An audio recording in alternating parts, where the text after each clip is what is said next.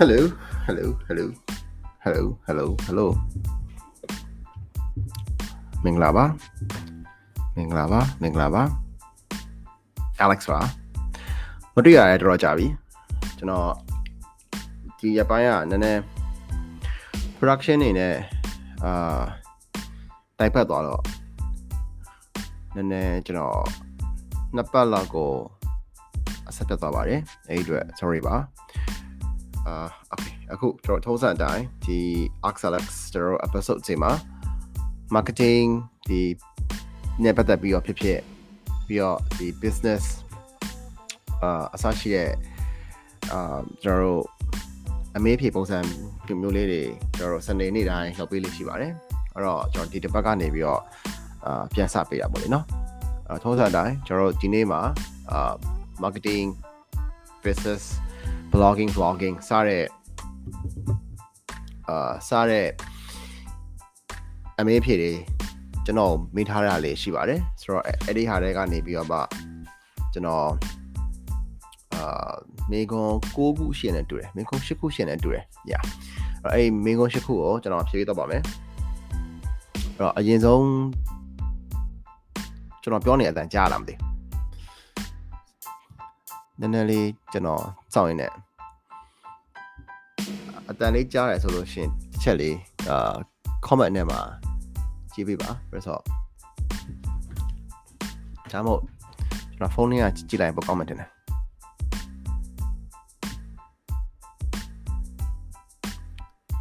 Okay. Um Alex Kai. Oh, okay. Netwin Tour ကြားပါတယ်တဲ့ Okay, thank you ပါအာပြောပြရ Okay အဲ့တော့ကျွန်တော်စလိုက်အောင်အဲ့တော့စလိုက်အောင်ဆိုတော့အာဒီအပိုင်းနေကောင်းကြလားအရေးကြီးတာနေကောင်းဖို့ပါပဲပြီးတော့နေကောင်းမှတုတ်ချင်တာတုတ်လို့ရှိကြမှာလေနော်ဆိုတော့နေကောင်းဖို့အများကြီးအရေးကြီးပါတယ်အာပြီးရင်ကျွန်တော်ဒီအပိုင်းကတော့ဟိုကျွန်တော်အခုတည်းရော covid မဖြစ်သေးဘူးလေ like ပုံမှန်ခင်လည်းမဖြစ်သေးဘူး auto တလောကတော့ production တစ်ခုပြီးတော့လက်ရောက်နဲ့နားတယ်ပေါ့လေဒါပေမဲ့နည်းနည်းဒီအပိုင်းကဟိုအပြင်သိမ့်မထွက်ဘူးအဲ production နဲ့ပဲ production နဲ့ပဲအာကျွန်တော်အပြင်လူတွေကြားထဲနေပြစ်တာပေါ့လေဒါတော့မှဟို production လုပ်တဲ့အချိန်မှာကျွန်တော်အများနဲ့ဒီ max တွေပါတယ်နဲ့ဟို max နှစ်ထပ်တွေပါတယ်နဲ့ကျွန်တော်အုပ်ထားခဲ့လိုက်တာဆိုတော့ကြတော့အာ covid မဖြစ်လိုက်ဘူးကူးချိန်မရလိုက်တော့တူပါတယ်အဲ့တော့အာ ဒီချိန်မှာတော့ရေးကြည့်ရတော့ကျွန်တော်တို့ကြက်ကြက်မာရေးပေါ့လေနော်အဲ့တော့အားလုံးပဲကျန်းကျန်းမာမာမာရှိနေဖို့ကျွန်တော်ဆုတောင်းပေးပါတယ်အဲ့တော့ okay um ကျွန်တော်တို့အဲ့ဆိုလို့ရှိရင် main ကွန်းလေးတွေမဖြေခင်မှာဟိုကျွန်တော်ကြော်ညာလေးတစ်ခုဝင်နေတာကဒါလည်းကျွန်တော်အပတ်တိုင်းကြော်ညာဝင်နေတဲ့ကြော်ညာပါဟိုမကြားရတာနှစ်ပတ်လောက်ရှိပြီဆိုတော့ကြတော့အဲ့တော့ကျွန်တော်တို့ဒီ level up marketing ကအခုကျွန်တော်တို့ digital တခုတည်းမဟုတ်ဘဲနဲ့ကျွန်တော်တို့360ဘက်ကိုသွားနေပြီပေါ့လေနော်ကျွန်တော်တို့ဒီ live sales တွေကအစ live Facebook live တွေအခုလည်းကျွန်တော်တို့ဒီမှာ YouTube တို့ဒီ LinkedIn တို့ဘာကကျွန်တော်တို့သွားနိုင်တဲ့ပုံစံဖြစ်နေတာပေါ့လေဆိုတော့ live တွေကအစပြီးတော့ Facebook marketing then ကျွန်တော်တို့ဒီ Fiverr messaging ပြီးတော့ရှင်ကျွန်တော်တို့ SMS ပြီးတော့ရှင် video commercial production နောက်ဆုံး billboard တွေအထိပေါ့လေ အာကျွန်တော်တို့သွားနေကျွန်တော်ဒီ service တွေပေးနေရရှိပါတယ်အဲ့တော့စိတ်ဝင်စားရဆိုလို့ရှိရင်ကျွန်တော် mail account ရှိပါတယ်ဒီမှာအာ alex@levelup.holding ဆိုတဲ့ account ပါအဲ့တော့အချိန်မြေကျွန်တော်ကို mail ပို့လို့ရတယ်ဒါမှမဟုတ်လို့ရှိရင် level up marketing group ဆိုပြီးတော့ um group sorry ကျွန်တော် page ရှိတယ်ဟောအေးအဲ့တော့ အဲ့ဒီဟာအပြင်ကိုကျွန်တော်အခုဘာလုပ်ထားတာရှိလဲဆိုတော့ဒီ level up အာ newsroom ဆိုပြီးတော့ကျွန်တော် Facebook group တစ်ခုလုပ်ထားတာရှိတယ်အဲအဲ့ဒီထဲမှာကျွန်တော်ဘာလုပ်ဆင်ဘာလုပ်ချင်တာလဲဆိုတော့ကျွန်တော်အရင်တော့ကလေဒီ level up newsroom ဆိုပြီးတော့ Fiverr ထဲမှာကျွန်တော်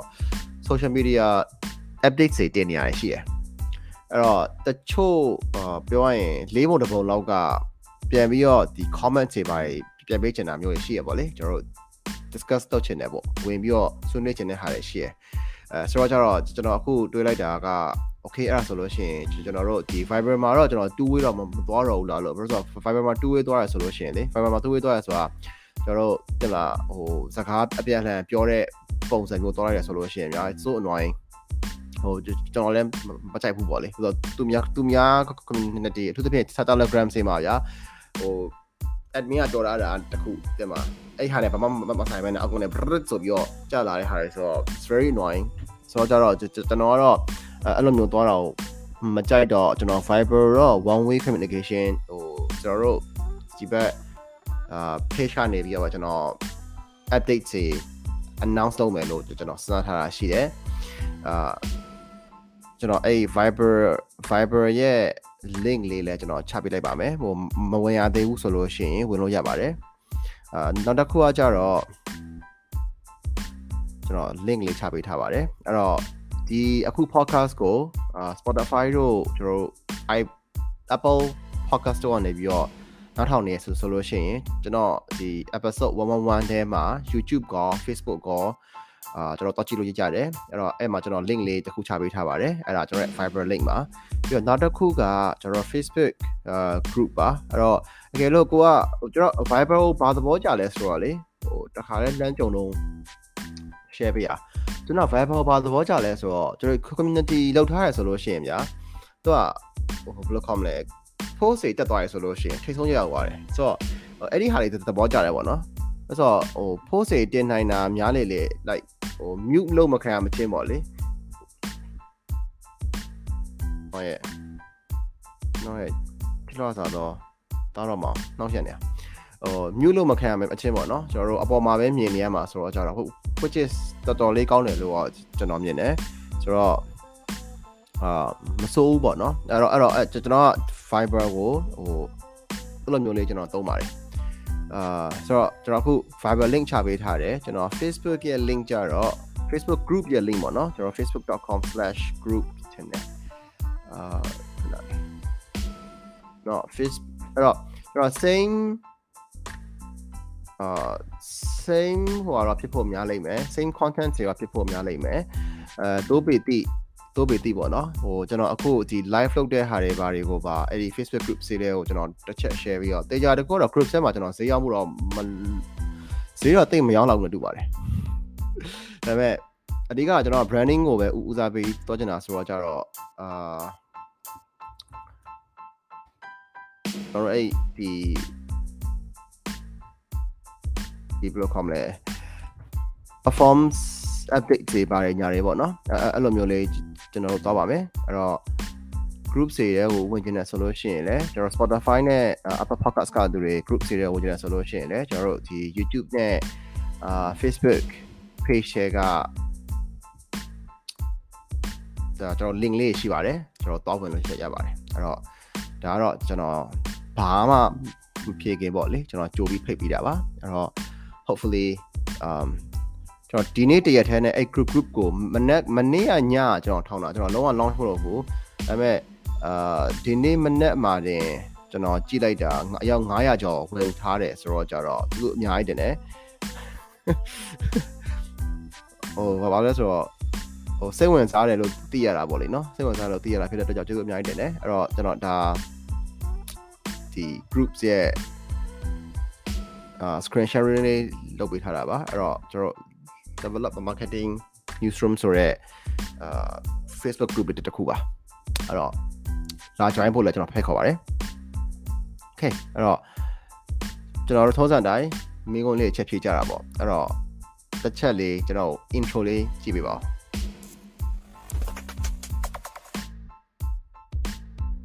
okay ဆိုတော့အာကျွန်တော်ဒီနေ့မေးထားတဲ့မေးခွန်းကမေးခွန်း၈ခုရှိတယ်အဲ့တော့ အာကျွန်တော်ဒီမေးခွန်းတွေမဖြေခင်မှာတခုလေးအကူအညီတောင်းချင်တာကဟိုကျွန်တော်ဖြေနေတဲ့အချိန်မှာဖြစ်ပေါ့နော်ဟိုတယောက်ယောက်ကများတခုခုများမေးချင်တယ်ဆိုလို့ရှိရင်ကျေးဇူးပြုပြီးတော့ကျွန်တော်ဒီ comment ထဲမှာအာတစ်ချက်လေးရေးပေးလို့ပြပါတယ်ကျွန်တော်မိကုန်းတွေအကုန်လုံးထိုးစားလိုက်မှာပဲကျွန်တော်မိကုန်းတွေအကုန်လုံးဖြည့်ပြီးပြီဆိုလို့ရှိရင်ကျွန်တော်ဒီ comment ထဲကမိကုန်းတစ်ချောင်းချင်းစီကိုကျွန်တော်ပြန်ပြီးဖြည့်ပေးပါမယ်အဲ့တော့ကျွန်တော်တို့အခုစကြတာပေါ့ episode 111 okay um ကျွန်တော် all comment ပို့လာတယ် okay ကျွန်ကျွန်တော်အဲ့တော့ကျွန်တော်နောက်ဆုံးကစလိုက်မယ်နော်နောက်ဆုံးဆိုတာအာကျွန်တော်အရင်ဦးဆုံးဖြေထားတဲ့မေးခွန်းရှိမလားမသိဘူးကျွန်တော် newest comments နဲ့ကျွန်တော်ရှာကြည့်လိုက်မယ် Okay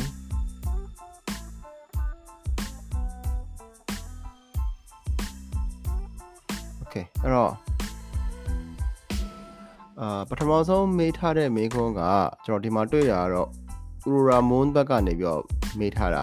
အဲ့တော့သူမေးထားတာ page inbox မှာတဲ့အာကျွန်တော် chat plugin ဆိုတဲ့ဟာလေးတွေ့လို့ပါတဲ့အဲအဲ့ဒီဟာကအာဘယ်လိုမျိုးသုံးရတာလဲဆိုပြီးတော့ဟိုပြောပါတယ်ဆိုတော့အဲ chat plugin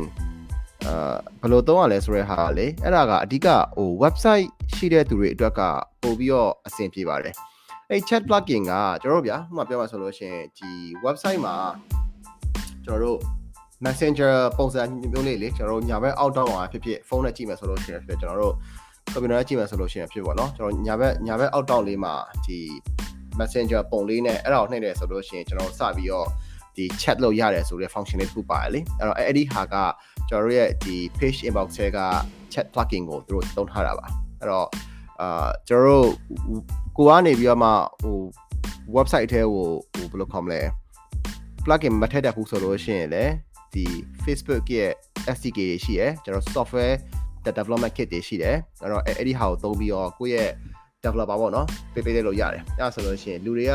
website ဝင်ကြည့်ပြီးတော့တခုခုမေးရရှိရဆိုလို့ရှိရင်ဒီ chat ကိုနှိပ်ကြည့်ပြီးတော့မှကျွန်တော်တို့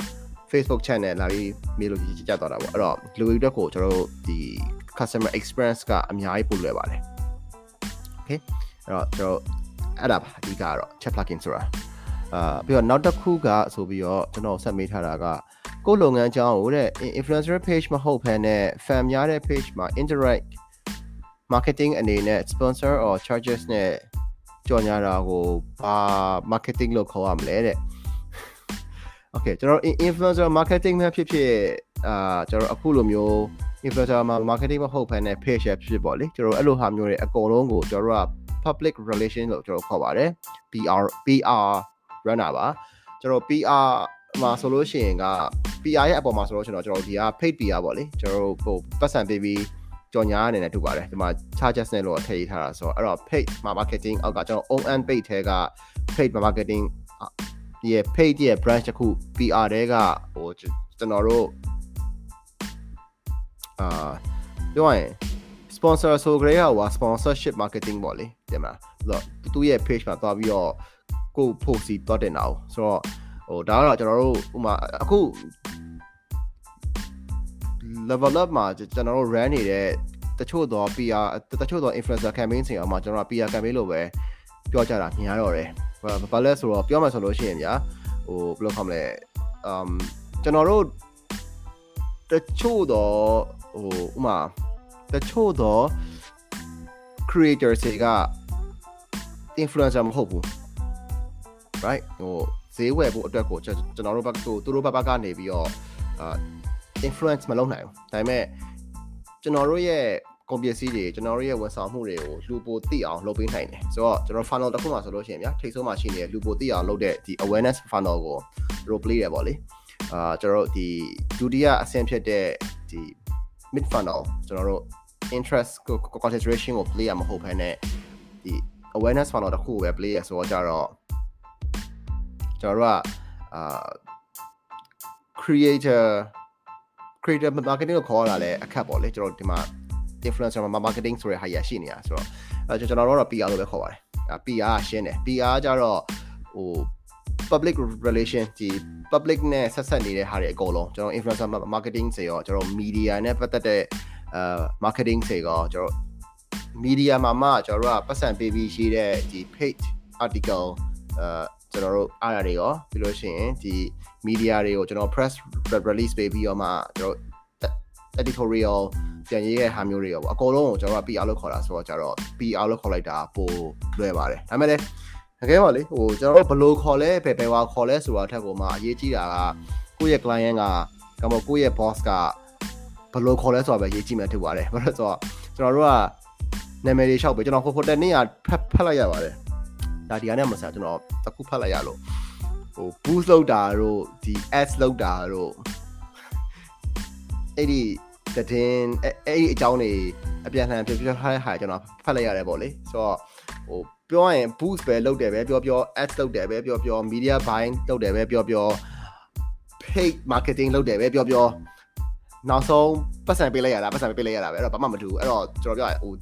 ဘလို့ပဲခြူသားစကားပဲတုံးတုံးဗျာနောက်ဆုံးအဲ့ဒီ end of the day ဟိုဟိုဘက်ကနားလည်ပြီးတာပဲဟာဟိုပြောရရင်ရောင်းသူဝယ်သူအတန်တူရင်ပြီးရောဗျာဟို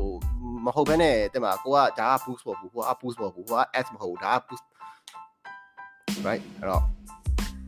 ကျွန်တော်အဲ့ဒါဖက်ပြီးတော့ခေါင်းနေမူอ่ะအဲ့ဒါကျွန်တော်ဘယ်သူမှလည်းဘယ်သူမှပြောတာမဟုတ်ကျွန်တော်ဖတ်လိုက်ရလို့အာအေးအဲ့ဒါနဲ့ကျွန်တော်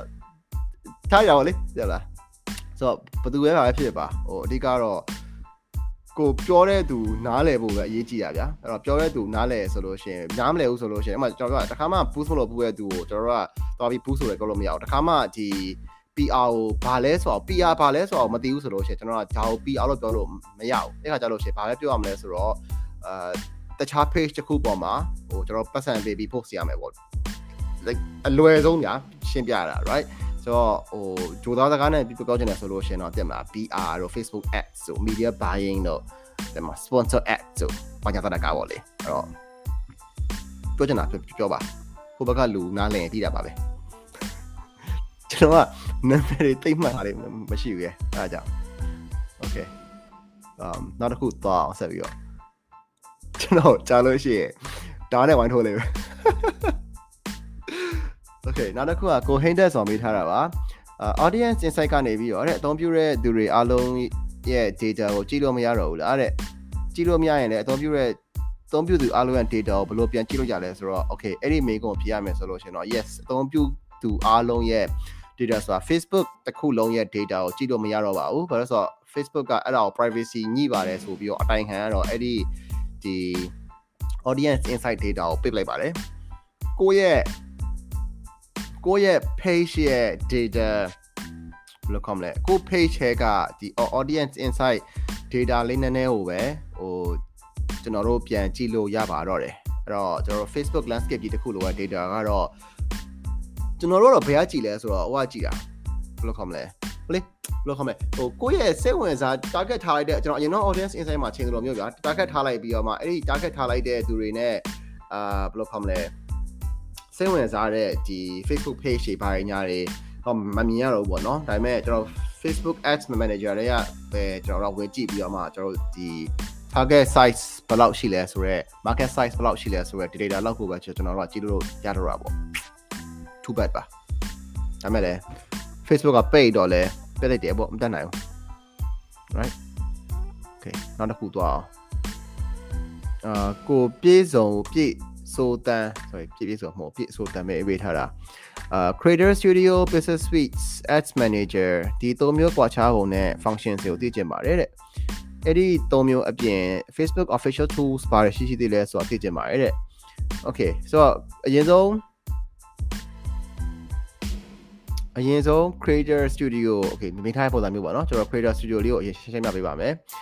Creator Studio ဆိုတာဘာပြောလဲဆိုတော့ကျွန်တော် content mind နဲ့ပတ်သက်လာဆိုလို့ရှိရင်တော့ Creator Studio ကတော့အဆုံးဆုံးပါဒီ Creator Studio ထဲမှာအာကျွန်တော်တို့အခုဒီ video တွေကို template ထည့်တာတို့ပြီးလို့ရှိရင်ကျွန်တော်တို့ video တွေရဲ့ data ပြန်ကြည့်တာတို့ဟို insight တွေပြောမှဆိုလို့ရှိရင်တော့အဲ့ဒီဟာကျွန်တော်ပြန်ကြည့်တာတော့အကုန်လုံးနေပါကျွန်တော်လုပ်လို့ရတယ်ပြီးလို့ရှိရင် Creator Studio က creator တွေအတွက်ပေါ့လေကျွန်တော်တို့အာမြန်မာပြည်မှာတော့အများစုကတော့ဒီ influencer လို့ခေါ်ကြတယ် အဲ့တော့ဒီ creators တွေအတွက်ကိုဟိုဦးစားပေးပြီးတော့လုပ်ပေးထားတာပါသူကဘယ်လိုမျိုးလုပ်လိမ့်ရှိလဲဆိုတော့ဒီ Facebook ဟိုကကျွန်တော်အခုအရင်နာမည်ကြီးနေတဲ့ YouTube ပေါ်နေပတ်သက်ချတာပေါ့လေ YouTube monetization လိုမျိုးဒီ Facebook ပေါ်မှာ monetize လုပ်တာတော့ပြီးလို့ရှိရင် Facebook ပေါ်မှာကိုယ့်ရဲ့အာဘယ်လိုခေါ်မလဲ copyright claim လုပ်တာပေါ့လေဥပမာကိုယ့်ရဲ့ video တွေကိုသူများမသုံးအောင်ကိုယ့်တခြင်းတွေကိုသူများမသုံးအောင် ကိုယ့်ရဲ့ဘာညာတရကာကိုသူများမသုံးအောင်ဆိုပြီးတော့အဲ့ဒါကိုကျွန်တော်တို့ Facebook ဒီ copyright claim တွေပါတယ်ညာတယ်အကုန်လုံးကဒီ creator studio တွေကနေပြီးတော့ကျွန်တော်ဖျက်ရပါတယ်အဲ creator studio ကတော့အဓိကလွယ်လွယ်မှတ်မယ်ဆိုလို့ရှိရင်တော့ကျွန်တော် content ပေါ့လေနော်အဲ့တော့ဟို content လို့သာမှတ်ထားလိုက်အဲ့တော့ content နဲ့ဆိုင်တဲ့ဟာတွေအကုန်လုံးက content လောက်တာတွေ content တင်တာတွေ content schedule လောက်တာတွေအဲ content data content insight တွေပြန်ယူတဲ့ဟာတွေ content အတွက်ကို copyright claim လုပ်တဲ့ဟာတွေပတ်စံရှာထားတယ်အဲ့ဒါအကုန်လုံးဒီကျွန်တော် creator studio ကသွားပါတယ် creator studio ညီညာချင်း content studio ပေါ့အဲ့လိုသာမှတ်ထားလိုက်အဲ့ဒါအလွယ်ဆုံးပဲအဲ့တစ်ပိုင်းပေါ့နော်ပြီးတော့နောက်တစ်ပိုင်းကကြတော့ဗာလဲဆိုတော့အာတော့နောက်နောက်ဆုံးတစ်ခုကျွန်တော်ကြောလိုက်မယ် as manager အဲ့တော့ as manager ကဘာကိုပြောရလဲဆိုတော့သူကကြော်ညာတဲ့အပိုင်းဆက်ဆိုင်တဲ့အပိုင်းမှာအဲ့တော့ကျွန်တော်တို့ဒီ as manager ထဲမှာဘာလို့ကြလဲဆိုတော့ဒီ Facebook ကြော်ညာနဲ့ပတ်သက်ပြီးကျွန်တော် as manager ဆိုတာမနေ့ပြောရရင် booster ပါပဲအဲ့တော့ ကျွန်တော်စောစောပြောရတဲ့စကားပြောမှဆိုလို့ရှိရင် booster ကကျွန်တော် Facebook page ပေါ်က post ကိုကျွန်တော်တို့အလွယ်တကူပဲဒီ boost post လာမသိဘူးအဲ့ဒါလေးကိုကျွန်တော်နှိပ်လိုက်ပြီးတော့မှ boost လုပ်လို့ရတယ် right ဟို as manager ကကြတော့ကျွန်တော်တို့ပို့ပြီးတော့ function ပို့送လာတယ်အာဥပမာအနေနဲ့ကျွန်တော်ဘယ်လိုမျိုး function မျိုးပါပါလဲဆိုတော့အာဘယ် phone device ကနေပြီးတော့မှကျွန်တော်တို့ဒီကိုကြော်ညာကိုမြင်စေခြင်းလဲဆိုတဲ့အတိုင်းအတာအထိကိုကျွန်တော်သွားလို့ရတယ် ဟိုပါဗျာကျွန်တော်ရဲ့ဒီကြော်ညာကို iPhone 10 11 12 13ကနေပြီးတော့ပဲမြင်ရမယ်ဆိုတဲ့ပုံစံမျိုးကျွန်တော်တို့ကဒီ ads manager ရဲ့မှာထည့်လို့ရတယ်အဲ့ဒါ function တစ်ခုပြီးလို့ရှိရင်ကျွန်တော် campaign budget optimization ဆိုမျိုးပေါ့အဲ့ဒါကြတော့ဟိုကျွန်တော် post တွေအများကြီးကိုကြော်ညာတဲ့အချိန်မှာတ post ချင်းစီမှာကျွန်တော်တို့ပတ်စံထည့်ပြီးဥပမာကျွန်တော်အခု boost post လုပ်ဒီလိုမျိုးနှိပ်လိုက်ပြီးတော့ပတ်စံဘလောက်ဆိုပြီးထားတာထည့်စားလို့ရှိရင်ကျွန်တော် post 10ခု15ခုလောက်ကိုတခါတည်းဒီ campaign budget optimization ဆိုတဲ့ function ချက်ပေါ့လေအဲ့ဒီ ads manager ads manager ထဲမှာလည်းပါတယ်เนาะကျွန်တော်တို့ CBO နဲ့ run လိုက်လို့ရှိရင်က Facebook ဒီအာလူတွေပို့ပြီးတော့စိတ်ဝင်စားတဲ့ content တွေကိုပတ်စံပို့သုံးပြီးသွားပါတယ်လူတွေစိတ်ဝင်စားတဲ့ content တွေကိုပတ်စံ short သုံးပြီးသွားပါတယ်ဆိုတော့အာကျွန်တော်အဲ့ဒီနေရာလေးဒီပို့ပြီးတော့ဒီဘယ်လိုခေါ်မလဲ အာ as manager ကပို့ပြီးအသုံးဝင်တယ်ပေါ့လေပြီးတော့ကျွန်တော်နောက်ဆုံး as manager အသုံးဝင်တဲ့ဟာတစ်ခုကကျတော့ dark post ပေါ့ဟိုဥပမာဗျာဟိုကျွန်တော်ဘယ်လိုခေါ်မလဲအာအခုကျွန်တော်အရန်သဘောကျတဲ့ဒီဒီ Samsung ရဲ့ campaign တစ်ခုရှိရဲ့ ERA ကလောက်တာလားမသိ ERA ကလောက်တာနဲ့တူတယ် Samsung A03 campaign မှာအရန်သဘောကျတယ်ဘာလို့အရန်သဘောကျလဲဆိုတော့သူတို့ဒီဒီ inclusivity ကိုအများကြီးသုံးရတာပေါ့လေအခုအဲ့ A03 campaign ကိုကြည့်မယ်ဆိုလို့ရှိရင်ဗျာအာဘယ်လိုခေါ်မလဲမြန်မာလိုတချင်းတွေမကောက်တိုင်းရင်းသားဘာသာစကားတွေရဲ့အာတိုင်းသားဘာသာစကားတွေကတော်တချင်းပြန်ဆိုပေးထားတဲ့ဒီပုံစံမျိုးလေးထွက်လာတာကျွန်တော်လုံးချင်တာအရန်ကြပြီဒါပေမဲ့ဘယ် client မှကျွန်တော်ဘယ်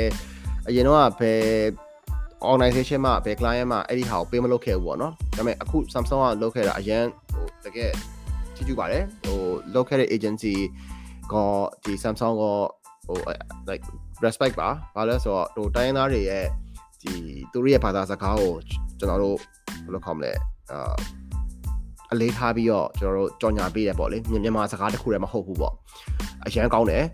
အဲ့တော့ကျွန်တော်တို့ကနောက်တစ်ခုနောက်တစ်ခုအနေနဲ့ဘာဖြစ်နေတက်လာနေလဲဆိုတော့ကြတော့လေအဲ့ခုနပြောတော့ပေါ့ဒီတိုင်းရင်းသားဘာသာစကားတွေကျွန်တော်သုံးတဲ့အချိန်မှာဥပမာကချင်ဘာသာစကားဆိုလို့ရှိရင်ကျွန်တော်က ဟိုကချင်ပြည်မှာသွားပြီးကြော်ညာရဲဆိုရင်ပိုပြီးထိအောင်နိုင်တယ်ဗျာအမရန်ကုန်လိုမျိုးမန္တလေးလိုမျိုးအာမြန်မာစကားပဲအများစုဒီ95% 90%လောက်သုံးတဲ့သူတွေအတွက်ဟိုကချင်စကားနဲ့ကျွန်တော်ထိတ်ကြညာဆိုလို့ရှိရင်ကဟိုဘယ်လိုခေါ်မလဲကြော်ညာရဲ့ effectiveness ကတိတ်မများနိုင်ဘူးပေါ့လေနော်ဆိုတော့ကြတော့ကျွန်တော်အဲ့ဒါကို ကချင်ပြည်နယ်မှာသွားပြီးတော့ဒီကချင်စကားနဲ့အဲသူတို့ရဲ့ဒီကချင်ဘာသာနဲ့သွားပြီးတော့ကြော်ညာရဆိုလို့ရှိရင်ပိုဖြစ်နေတာဆိုတော့ကျွန်တော်အဲ့ဒီနေရာမှာကျွန်တော် dark post ကြီးအများကြီးအကျုံးသုံးဝင်လာပါတယ် dark post ကကြတော့ဘယ်လိုဖြစ်သွားလဲဆိုတော့ကိုယ့်ရဲ့ဒီ Facebook page ပေါ်မှာလာကြည့်ရင်အဲ့ dark post အဲ့ဒီ post မရှိပါဘူးဒါပေမဲ့အဲ့ဒီ data မှာကို target ထားလိုက်တဲ့ data ကို target ထားလိုက်တဲ့ segment ကပဲအဲ့ဒီကြော်ညာကိုမြင်ရပါတယ်သူတို့ရဲ့ news feed မှာဆိုတော့ကြတော့အဲ့ဒါအများကြီးကျွန်တော်တို့အာ သုံးဝင်ပါတယ်အဲ့တော့ကျွန်တော်တို့အဲ့ဒီနေရာမှာမှအာဘယ်လိုခေါ်မလဲဒီ Facebook Facebook ဒီမြန်မာနိုင်ငံမှာပဲမဟုတ်ဘဲနဲ့အခြားသောပေါ့နော်ကျွန်တော်နောက်ပိုင်းကျွန်တော်အခုကျွန်တော် ਨੇ စကားပြောနေတဲ့ client တချို့ဆိုလို့ရှိရင်လည်းဗျာဟိုမြန်မာနိုင်ငံမှာပဲရောင်းနေရမဟုတ်တော့ဘဲနဲ့ကျွန်တော် client တချို့ဆိုလို့ရှိရင်ဒီ Thai တို့ဘာတို့ကနေပြီးတော့မှလာတဲ့ client တွေရှိရယ် Thai တို့ဘာတို့ဘာကျွန်တော်ရောင်းနေတဲ့ client တွေရှိရပါဗောလေကျွန်တော်ဒီ develop မှာဆိုတော့ကြတော့ဟိုသူတို့ဆိုလို့ရှိရင်လည်း ကျွန်တော်တို့ဒီ Facebook ကို run တဲ့အချိန်မှာမြန်မာနိုင်ငံဘက်ကျတော့ S ထည့်ရဆိုလို့ရှိရင် sorry ဒီ boost လုပ်ပြီးတော့မှကျွန်တော်သွားရဆိုလို့ရှိရင်ကမြန်မာ Thai ဆိုလို့ရှိရင်ကျွန်တော် Thai စာ Thai စကား Thai ဘာသာစကားနဲ့မရေးဘူးဆိုလို့ရှိရင်ကအာသူတို့နားလဲရခတ်တာပေါ့လေနော်ဆိုတော့ကျွန်တော်ကျွန်တော် Thai လို့ရေးပြီးတော့ကျွန်တော် Thai ကိုပြတယ်ပြီးတော့ရှင်ကျွန်တော်မြန်မာလို့ရေးပြီးတော့မြန်မာကိုပြတယ်အဲ့မှာမှကျွန်တော်တို့ကဒီ dark post တွေနဲ့ brand နဲ့ proposal မျိုးပို့သွားပါတယ်ဆိုတော့ကျတော့အဲ့ဒီ effectiveness ရတာပေါ့နော်ဒါတစ်ပိုင်း ပြီးတော့တတိယတစ်ခုဒီ business suite အဲ suite မဟုတ်ပါဘူး suite ပါအဲ့တော့ business suite ကကြတော့ဘာပြောလဲဆိုတော့သူကဒီလိုစဉ်းစားကြည့်ဗျာအဲခုန content creator studio က content နဲ့ဆိုင်တယ်ပြီးတော့ ads manager ကကြတော့ကျွန်တော် ads နဲ့ပေါ့လေဒီကြော်ညာတဲ့အပိုင်းနဲ့ကျွန်တော်ဆိုင်တယ်ဆိုလို့ရှိရင်အာ business suite ကကြတော့ဘာနဲ့သွားလဲဆိုတော့သူက business တွေအတွက်ကိုထုတ်ပေးထားတဲ့ platform တစ်ခုပါအဲ့တော့ဘာတွေပါလဲဆိုတော့ကျွန်တော်တို့ဒီမှ business suite မှာဒီကကျွန်တော်ထင်ပါတယ်အများဆုံးအသုံးပြုကြတာကတော့ဒီ ads manager ကိုပဲအများဆုံးသုံးသပ်မှန်းတူတယ်။အဲ့ဒါက business suite မှာကကျွန်တော်တို့ဘာရပါလာလဲဆိုတော့ဒီ audience ကျွန်တော်တို့ custom audience ကို lookalike လောက်တာတော့ပြီးလို့ရှိရင်ကျွန်တော်တို့ဒီအာ pixel စောက်တဲ့နေရာတွေအာ pixel ဆိုတာဗျာကျွန်တော်တို့ website ကိုသွားကြည့်တယ်အဲ့အဲ့ website ရဲ့ဘယ်နေရာထိရောက်သွားပြီလဲအဲ့ရောက်သွားတဲ့နေရာအထိကိုမှကျွန်တော်တို့ကအာ capture လုပ်ပြီးတော့ဥပမာဗျာ ကျွန်တော်အနေနဲ့ check out မလုပ်သွားဘူးဒီ e-commerce site တစ်ခုမှာ check out မလုပ်သွားတဲ့အချိန်လေးကျွန်တော်ရောက်သွားတယ်ဒါပေမဲ့ check out မလုပ်သွားဘူးဆိုတော့ချင်း check out မလုပ်သွားတဲ့လူတွေအကုန်လုံး retarget ပြန်ထားပြီးတော့မှအာကျွန်တော်တို့ပြန်ပြီးကြော်ကြော်ညာလို့ရတယ် okay ဘာကြောင့် check out မလုပ်သွားရလဲပေါ့ပြန်ပြန်လာလောက်ပါပေါ့ဈေးဘယ်လောက် short ပေးမယ်ပေါ့ for example ဟိုအဲ့လိုမျိုးကျွန်တော်သွားလို့ရတယ်ဆိုတော့ကျတော့အဲ့ဒီဒီ source data sources ဆိုတို့တို့ခေါ်တာပေါ့လေအဲ့ data source ကျွန်တော်ထည့်လို့ရတယ်နောက်ဆုံးဘာဘာဘာရလဲဆိုတော့ ကျွန်တော်အရင်ရုံးတစ်ခုမှာကျွန်တော်စမ်းခဲ့စမ်းကြည့်ခဲ့ဘူးတာကဆိုင်ဝင်လာတယ်ကျွန်တော်တို့ဆိုင်ရဲ့ wifi ကိုသုံးရတယ် right အဲ့တော့အဲ့ဒီ wifi ကိုသုံးသွားရဆိုလို့ရှိရင်အဲ့ဒီ wifi ကိုသုံးသွားတဲ့သူတွေကိုပဲကျွန်တော် retarget ထားပြီးတော့ပြန်ကျွန်တော်တို့ရသေးတဲ့ဟာမျိုးရှိရဆိုတော့အာ business suite ကအဲ့လိုမျိုးဒီ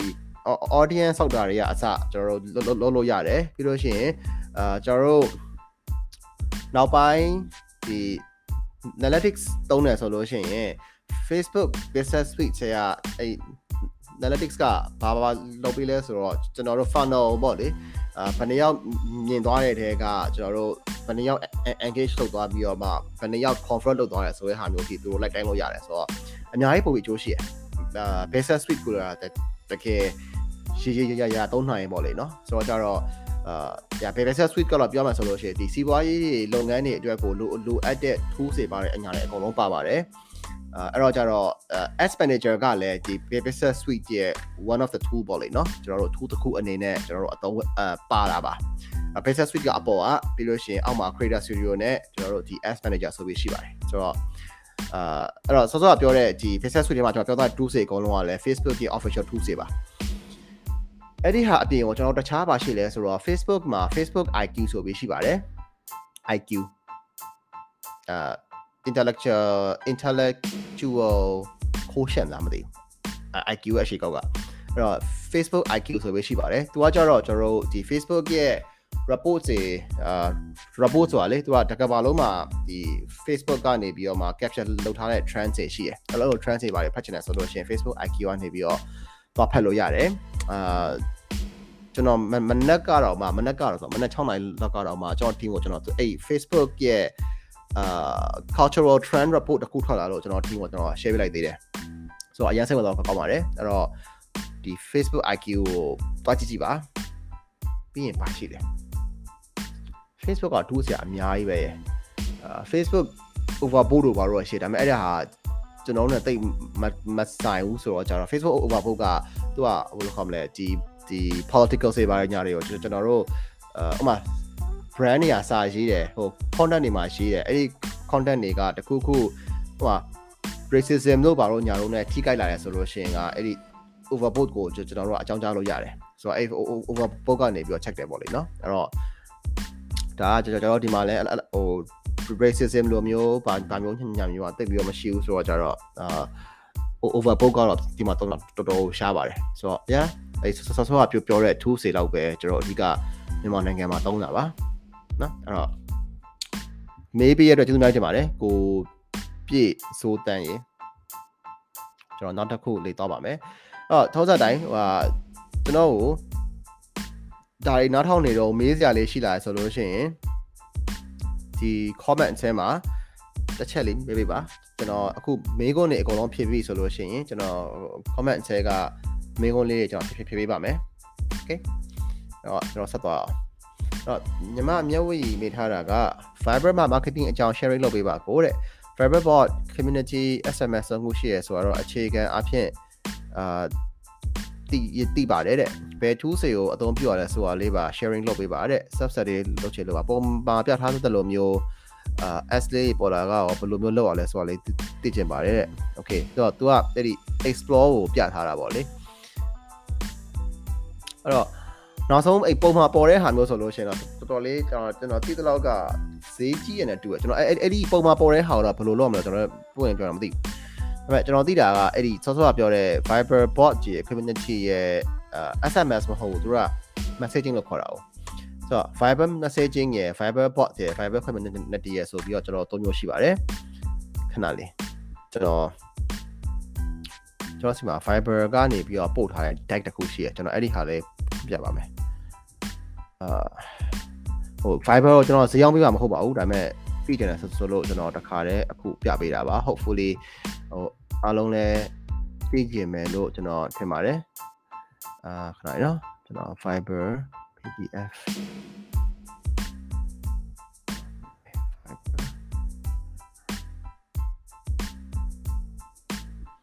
อื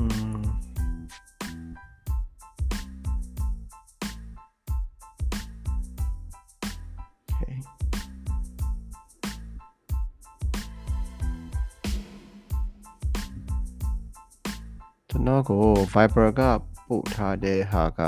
ဒီမှာမဟုတ်ခဏလေးပါကျွန်တော် file ပြောင်းနေလို့ဟွန်း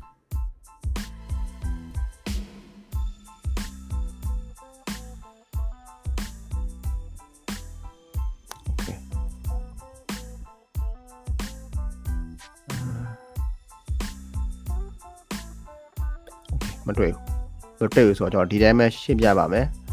အဲ့တော့ဘာပြောချင်လဲဆိုတော့အဓိကဗျာအဲ့ဒီ Viber ဒီ messaging မှာအာဆိုတော့ Viber Viber services မှာဆိုတော့ပြောတော့ Viber bot ရဲ့ community ရဲ့ SMS အသုံးခုရှိရပါလေအဲ့တော့ Viber bot ကတော့ကျွန်တော်တို့ဒီ Facebook Messenger chatbot နဲ့အတူတူပါပဲအဲ့တော့ဘယ်ဟာနှိမ့်ရင်ဘာရတယ်ဘယ်ဟာနှိမ့်ရင်ဘယ်သွားရဆိုတဲ့ပုံစံကိုကျွန်တော်တော်လို့ရတယ်အဲ့ဒါတစ်ချက်ပြီးလို့ရှိရင်နောက်တစ်ချက်ကကြတော့ကျွန်တော်တို့ဒီ text recognition ပေါ့နော်ကျွန်တော်တို့ရေးလိုက်တဲ့စာအုံမှာသူတို့ဘက်ကနေစကားပြန်ပြောပေးနိုင်တဲ့ဒီ AI နဲ့နောက်က AI ပေါ့လေနော်ကျွန်တော်တို့ဘာရေးလိုက်တယ်ဆိုတဲ့ဟာမျိုး AI ကဖတ်ပြီးတော့မှနားလည်ပြီးတော့မှကျွန်တော်စာပြန်တဲ့ဟာမျိုးပေါ့ဟိုအဲ့လိုမျိုးလေးသူတို့ဘက်ကလုပ်ပေးတဲ့ service ရှိပါတယ်ဒါပေမဲ့အာဘောကတော့မြန်မာနိုင်ငံမှာအများစုကတော့ကျွန်တော်တို့အဲ့ AI ဆိုတဲ့စကားလုံးက AI ဆိုတဲ့ feature ကိုသိပြီးတော့မသုံးပါဘူးဘာလို့လဲဆိုတော့ပြောရရင်မြန်မာစကားကရှုပ်တယ် မြန်မာစကားအတိတ်ဘက်တစ်ခုတည်းကိုရေးထားတဲ့ဟာမျိုးကဟိုရာခဏန်းရှိရဆိုတော့ကြတော့လေအဲ့လိုမြန်မာမြန်မာလိုကို AI နဲ့ကတိတ်ပြီးတော့ဟိုပြီးတော့အဲ့မြန်မာစကားလုံးတွေအတွက်ကို AI ကို feed လုပ်ပေးမဲ့သူကလည်းအဲ့လိုကြီးမရှိဘူးဆိုတော့ကြတော့ဟို AI နဲ့ကသုံးတာရှားပါတယ်အများစုကတော့ဒီ pattern လေးနှိပ်သွားခလုတ်ကလေးနှိပ်သွားပြီးတော့မှကျွန်တော်တို့ဒီ bot ကို bot flow သွားတဲ့ pop ပုံစံမျိုးများတာပါဒါကတော့ကျွန်တော် Facebook အာ Facebook ရဲ့ Messenger bot နဲ့အတူတူပါပဲ right အဲ့ဒါတခုပြီးတော့ Viber community ဆိုတဲ့ဟာပေါ့လေအဲ့ Viber community ဆိုတဲ့ဟာမှာကကျွန်တော်တို့ um ပြောမှဆိုလို့ရှိရင်ဗျာ Viber group နဲ့ Viber community နဲ့ဘာကွာသွားလဲဆိုတော့ကျွန်တော် Viber group ကကြတော့ဟိုလူတိုင်းကျွန်တော်တို့ဝင်ပြောတယ်ဆိုတဲ့ဘက်ကိုပို့သွားတာပေါ့နော်အာ Viber community ကကြတော့ကျွန်တော်တို့ဒီ function တွေပို့ပါလာတယ် အဲ့တော့ဘယ်လို function တွေပါလာလဲဆိုတော့ကျွန်တော်အခုသုံးနေတဲ့ function တစ်ခုဆိုလို့ရှိရင်ကဟိုကျွန်တော်အဲ့ level up level up marketing ဟို Fiverr community ရှိရယ်ကျွန်တော်ဟို link လေးချပေးထားတဲ့ဟာရှိရယ်လေကျွန်တော်အဲ့အဲ့ဒီအဲ့ဒီထဲမှာဆိုလို့ရှိရင်ကျွန်တော်ကဟို2 way မသွားဘူး1 way ပဲသွားတယ်ဟို2 way 1 way ဆိုတာတော့ဒီ podcast ဒီ video ရဲ့အရှိဆုံးမှာကျွန်တော်ရှင်းပြခဲ့ပါတယ်အာစကားပြန်မပြောခွင့်ပေးမလား မပေးမလားပေါ့လေငါဆိုချင်တာက like ဘယ်လိုမျိုးဖြစ်ဖြစ်သွားလဲဆိုတော့ one way ဆိုလို့ရှိရင်က post ကကျွန်တော်တို့ admin ကနေပြီးတော့ပဲ post တင်ခွင့်ရှိတာအာဟိုဘက်ကနေပြီးတော့စကားပြိုင်ပြောလို့မရဘူးဟို chat box မပါဘူးအဲ့တော့မြင်ရတယ်ဖတ်လို့ရတယ်တည်င်းအနေနဲ့ဖတ်လို့ကောင်းတယ်ဆိုတော့ကျွန်တော်အဲ့ဒါကိုဒီတည်င်းအနေနဲ့ဦးစားပေးပြီးကျွန်တော်တင်ပါတယ်အဲ့လိုမလုပ်ဖဲနဲ့ကျွန်တော် two way communication အနေနဲ့လည်းတော့လို့ ကြပါတယ်ဟို two way communication ကကြတော့ဒီ group တစ်ခုလို့ပေါ့လေဟိုကိုကစားဖို့သူကစားဖို့ကိုကစားဖို့သူကစားဖို့ဆိုတော့ဒီ function လေးတစ်ခုပို့ပြီးပါလာတာပါအဲ့တော့အာအဲ့လိုမျိုးကျွန်တော်တွားလို့ရတယ်ဆိုတော့ဒါကကြတော့ကျွန်တော်ဒီ face sorry fiber group နဲ့ကျွန်တော်တိတ်ပြီးတော့အာမကွာဘူးပေါ့နော်ပြီးတော့နောက်တစ်ခုကဘာရှိလဲဆိုတော့အာဘာရှိလဲဆိုတော့ ဒီ fiber community ဆိုလို့ရှိရင်က fiber community ထဲမှာက group နဲ့တခု group နဲ့꿰နဲ့တူတယ်ခင်ဗျကျွန်တော်သိကြအောင်ကြည့်လိုက်မယ် yes အာ fiber community ကြတော့ဘာရှိလဲဆိုတော့တခုကောင်းသွားတာလေဟိုကျွန်တော် Facebook group တွေလိုမျိုးပဲ link လေး share ပေးလို့ရတယ်ဥပမာပြကျွန်တော်အခုဒီ invite.fiber.com လိုမျိုးပဲအာ link ထွက်လာတယ်အဲ့ link ကိုကိုယ့်ရဲ့တငယ်ချင်းတွေပဲဖြစ်ဖြစ်ကိုယ့်ရဲ့ဘယ်သူမှမဆိုပေါ့လေအဲ့ဒါကို link လေး share လို့ရတယ်အဲ့ဒါဆိုရင်သူများတွေကပါ ကိုယ့်ရဲ့ Fiverr community နဲ့တည်တဲ့ကိုအဲ့ link လေးနှိပ်ပြီးဝင်လာလို့ရတယ် Facebook uh, sorry Fiverr group ဆိုလို့ရှိရင်ကအဲ့ link မပေါ်ဘူးကိုကိုယ်တိုင်သူ့ကိုဒီ invitation ပို့ရတယ် invite လုပ်ရတယ် invite လုပ်တော့မှပဲဝင်လာလို့ရတာဆိုတော့ကြတော့အာ business တွေအတွက်ကဒီ Fiverr group တွေထက်စလို့ရှိရင်က Fiverr community ကပို့ပြီးတော့အဆင်ပြေနိုင်ပါတယ် right အဲ့ဒါတခုနောက်ဆုံးတစ်ခုက Fiverr messaging မှာ Fiverr messaging နဲ့ Fiverr community နဲ့တော်တော်မှားကြတယ်ဘာလို့လဲဆိုတော့ပုံစံတူလို့စာပို့တဲ့ဟာပဲဘာထူးလို့လဲဆိုတဲ့ဟာမျိုးပေါ့လေဆိုတော့ Fiverr messaging နဲ့ Fiverr community နဲ့ကဘာကွာသွားလဲဆိုတော့အဓိက1 to 1စကားပြောတဲ့ဟာကွာသွားတာဥပမာဗျာကျွန်တော်တို့ Fiverr messaging ကကြတော့ဆော့ဆော့ပြောဆို Facebook sorry Fiverr uh, Fiverr community ကကြတော့ကျွန်တော် Facebook အာ Messenger group လိုမျိုးပဲကျွန်တော်လူတိုင်းရှိတယ် တင်မလားကျွန်တော် Fiverr group Messenger group လို့ပြောတယ်လူတိုင်းရှိတယ်လူတိုင်းကကျွန်တော်တို့ရှိတဲ့ဟာကိုမြင်ရမယ်ပြီးလို့ရှိရင်သူသူတို့စကားပြောခွင့်ပေးထားရဆိုလို့ရှိရင်လည်းလူတိုင်းကနေပြီးပြောတဲ့စကားကိုလူတိုင်းကမြင်ရတယ်ဆိုတော့သူက off for all ပုံစံမျိုးနဲ့တွားလိုက်တာ Viber messaging ကကြတော့ဘယ်လိုသွားလဲဆိုတော့ကျွန်တော်တို့ Facebook page messenger မှာစကားပြောသလိုမျိုးပဲ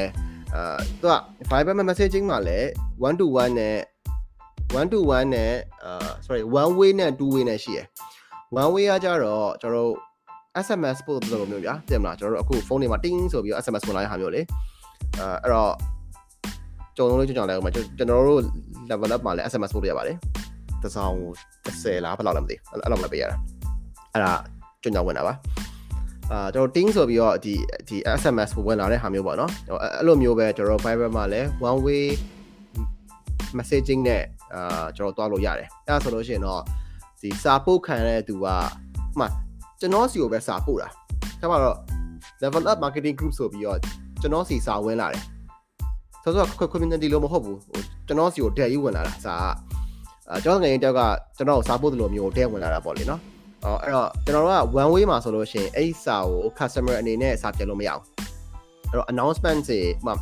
OTP ကုတ်လိုမျိုးတွေဆိုလို့ရှိရင်ကအမှကုတ်တော့3လုံးပို့လာတော့ကုတ်6လုံးပို့လာတော့အဲ့လိုမျိုးဆိုလို့ရှိရင်ကအဆင်ပြေတယ်အဲ့ဒါက Viber messaging ရဲ့ကျွန်တော် one way ပါ two way မှာကြတော့ဘယ်လိုဖြစ်သွားလဲဆိုတော့ဒီအသွားပြန်ရတယ်ကျွန်တော် SMS လို့မဟုတ်တော့ဘဲနဲ့ Facebook Messenger Facebook page ရဲ့ Messenger လိုမျိုးပဲအာကျွန်တော်တို့ဒီဘက်အာဒီဘက် how do I say စကားပြောလိုက်တယ်ဆိုလို့ရှိရင်ကျွန်တော်တို့ကဟို message ကို blast လုပ်လိုက်တယ်ဆိုလို့ရှိရင်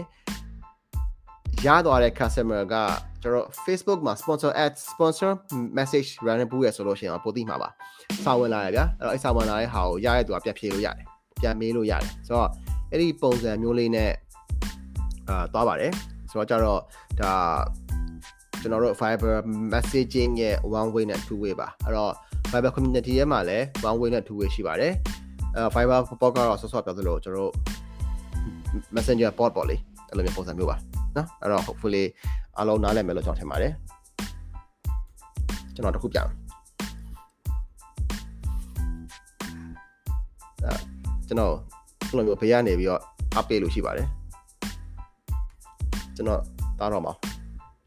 ရန်နေဘလိုဘလက် enemy အားပေးနေရ okay အဲ့တော့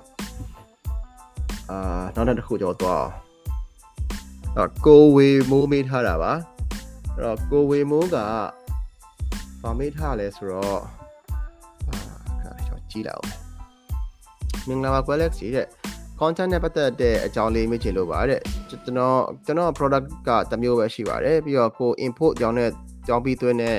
ဝိတုဆက်ပါတဲ့ပြီးတော့ကိုတယောက်သေးသွင်းရောက်တဲ့ product မျိုးလည်းမဟုတ်ဘူး အာ B2B အဓိကအာ B2B အဓိကရောင်းရတဲ့ပစ္စည်းဖြစ်တဲ့အတွက်ကြောင့်ပြီးတော့ခြားကအဓိကကမိတုဆက် brand ထက်ကိုပေးရဲ့ service နဲ့ကိုဆိုင်အဓိက marketing လုပ်ချင်တာပါ Facebook မှာအဲ့ဒီမျိုးစားတွေကို content တွေတင်ဖို့အတွက်ဘယ်လိုစဉ်းစားရမလဲပေါ့နော်တဲ့ပြီးလို့ရှိရင်အမြဲတမ်းလဲတင်နိုင်ဖို့အတွက်ကိုဘယ်လိုမျိုး content idea တွေစဉ်းစားသင့်လဲဘယ်လို campaign တွေလုပ်သင့်လဲ copy မဟုတ်ရင်တော့မှအလားတူလုပ်နေတဲ့ဟာလေးတွေကို inspire လုပ်လို့ရအောင်ပြောပြပါလားခင်ဗျာတဲ့နောက်တစ်ခုကကိုယ့်ရဲ့ digital marketing ကိုလာစဉ်ဘယ်လို KPI တွေနဲ့တိုင်းသင့်လဲအာပူးဆုပ်တဲ့ post တစ်ခုအတွက်ကိုဘယ်လို KPI နဲ့တိုင်းရမလဲနမူနာလေးဖြစ်ဖြစ်ပြပေးပါလားခင်ဗျာတဲ့နောက်ဆုံးတစ်ခုမေးချင်တာတော့ content calendar မလေးအရှိပဲအဲ content calendar ကိုအချိတ်ဆက်လေးမိအောင်ဘယ်လိုမျိုးတေချာလေးဆွဲတင်လဲဆိုရရပါတဲ့ okay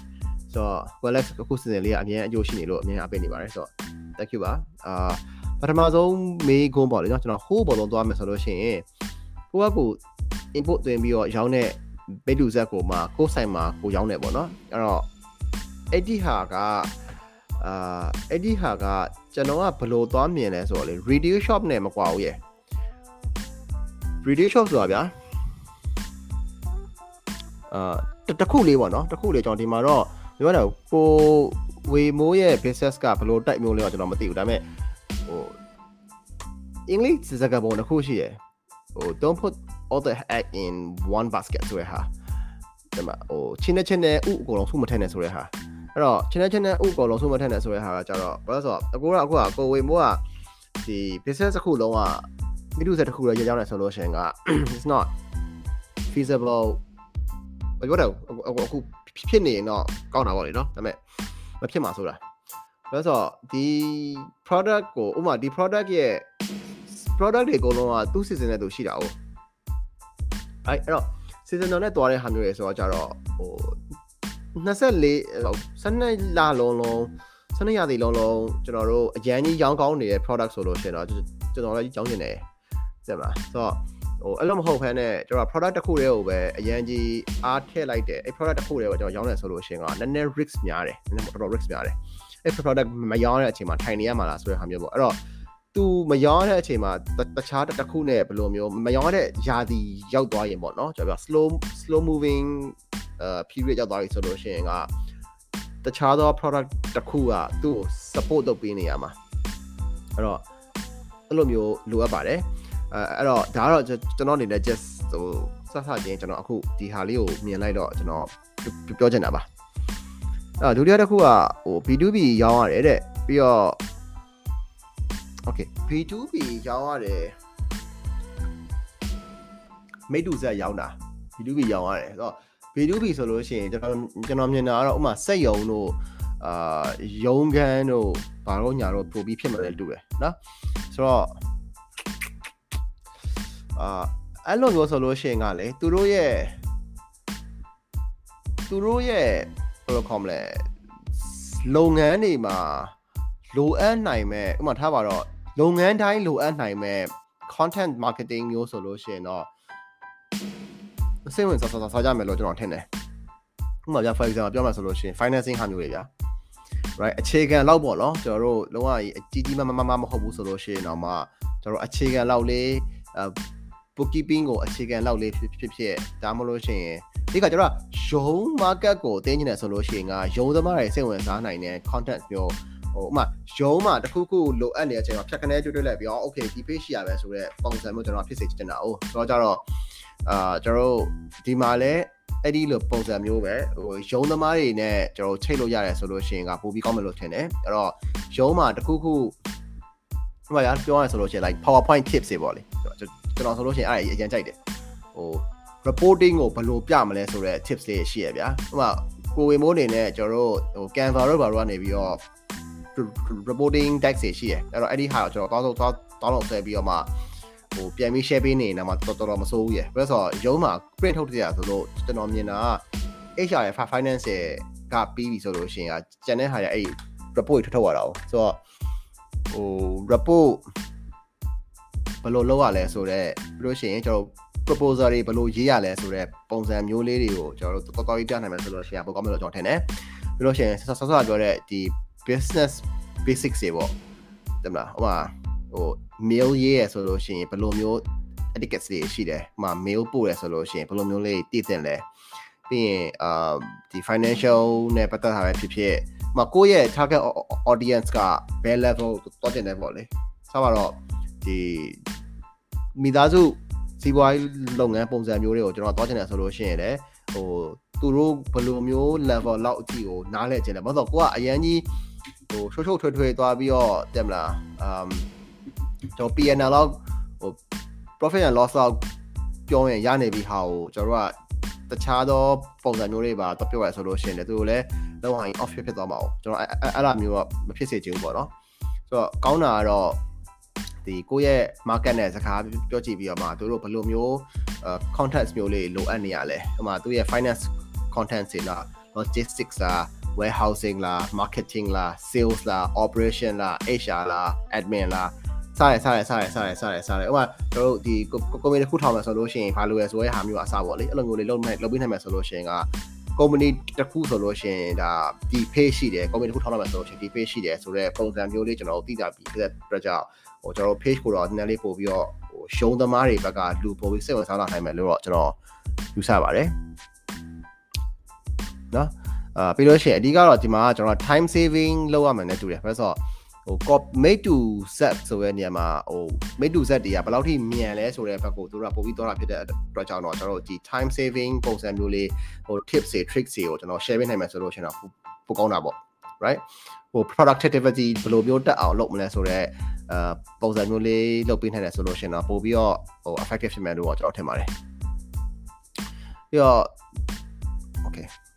campaign တွေကတော့ဆော့ဆော့ပြောသလိုပြောပေါ့လေနော်ဟိုကျွန်တော်တို့ကယာတီအလိုက်ကိုဒီ campaign တွေတော်လို့ရတယ်ဥပမာဗျာဟိုစားပါတော့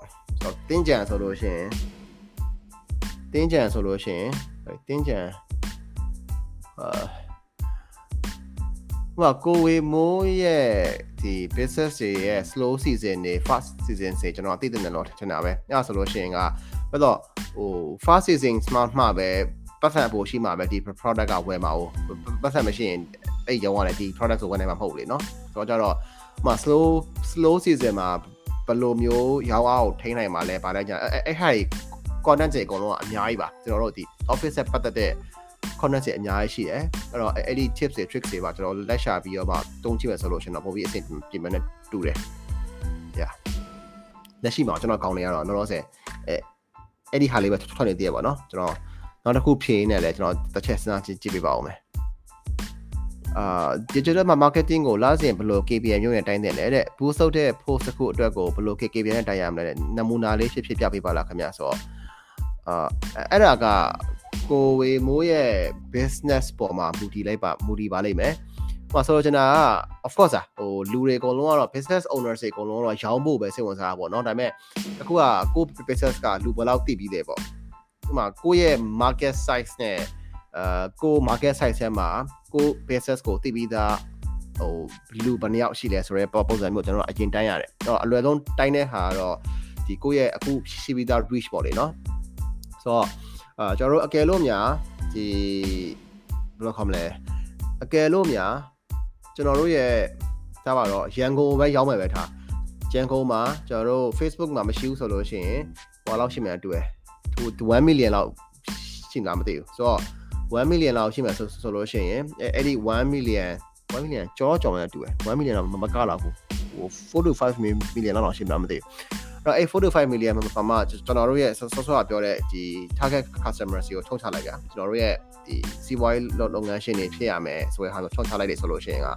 ဘာထင်လဲညံကုန်မှာမရှိဘူးဆိုလို့ရှိရင်9သိန်းလောက်ပဲရှိမှာအဲ့တော့အဲ့9သိန်းထဲမှာမှ9သိန်းထဲမှာမှဒီ ကျွန်တော်တို့ရဲ့ page ကဘယ်နှစ်ယောက်စီရောက်နေရလဲ right အဲ့တော့ဟို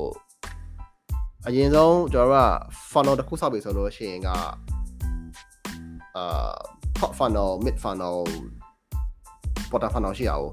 so awareness ရယ် consideration ရယ် conversion ဆိုပြီးရှိရဆိုတော့ကျတော့ကျွန်တော် awareness fund awareness မရှိဘဲနဲ့ဘယ်သူမှစဉ်းစားမှာမဟုတ်ဘူးလို့ဘယ်သူမှလာဝယ်မှာလည်းမဟုတ်ဘူးပေါ့လေနော်ဆိုတော့ကျွန်တော်ဒီ funnel တစ်ခုရဲ့ awareness ကိုကျွန်တော်ပတ်စံအရင်ဆုံးထည့်ရတာအဲ့ ပတ်စံထည့်ပြီးဆိုလို့ရှိရင်ဟိုကျွန်တော်တို့ကတလားမှာဟိုကျွန်တော်တို့ market size ရဲ့လူဘယ်နှယောက်ကတည်သွားပြီလဲဆိုတဲ့ဟာမှာကျွန်တော်ကြည့်ရတယ်ပြီးလို့ရှိရင်ဒုတိယအာဘယ်နှယောက်ကကျွန်တော်တို့စီကို message ပို့နေလဲဆိုတော့အဲ့ပေါ့ကျွန်တော်ရဲ့ဒီ conversion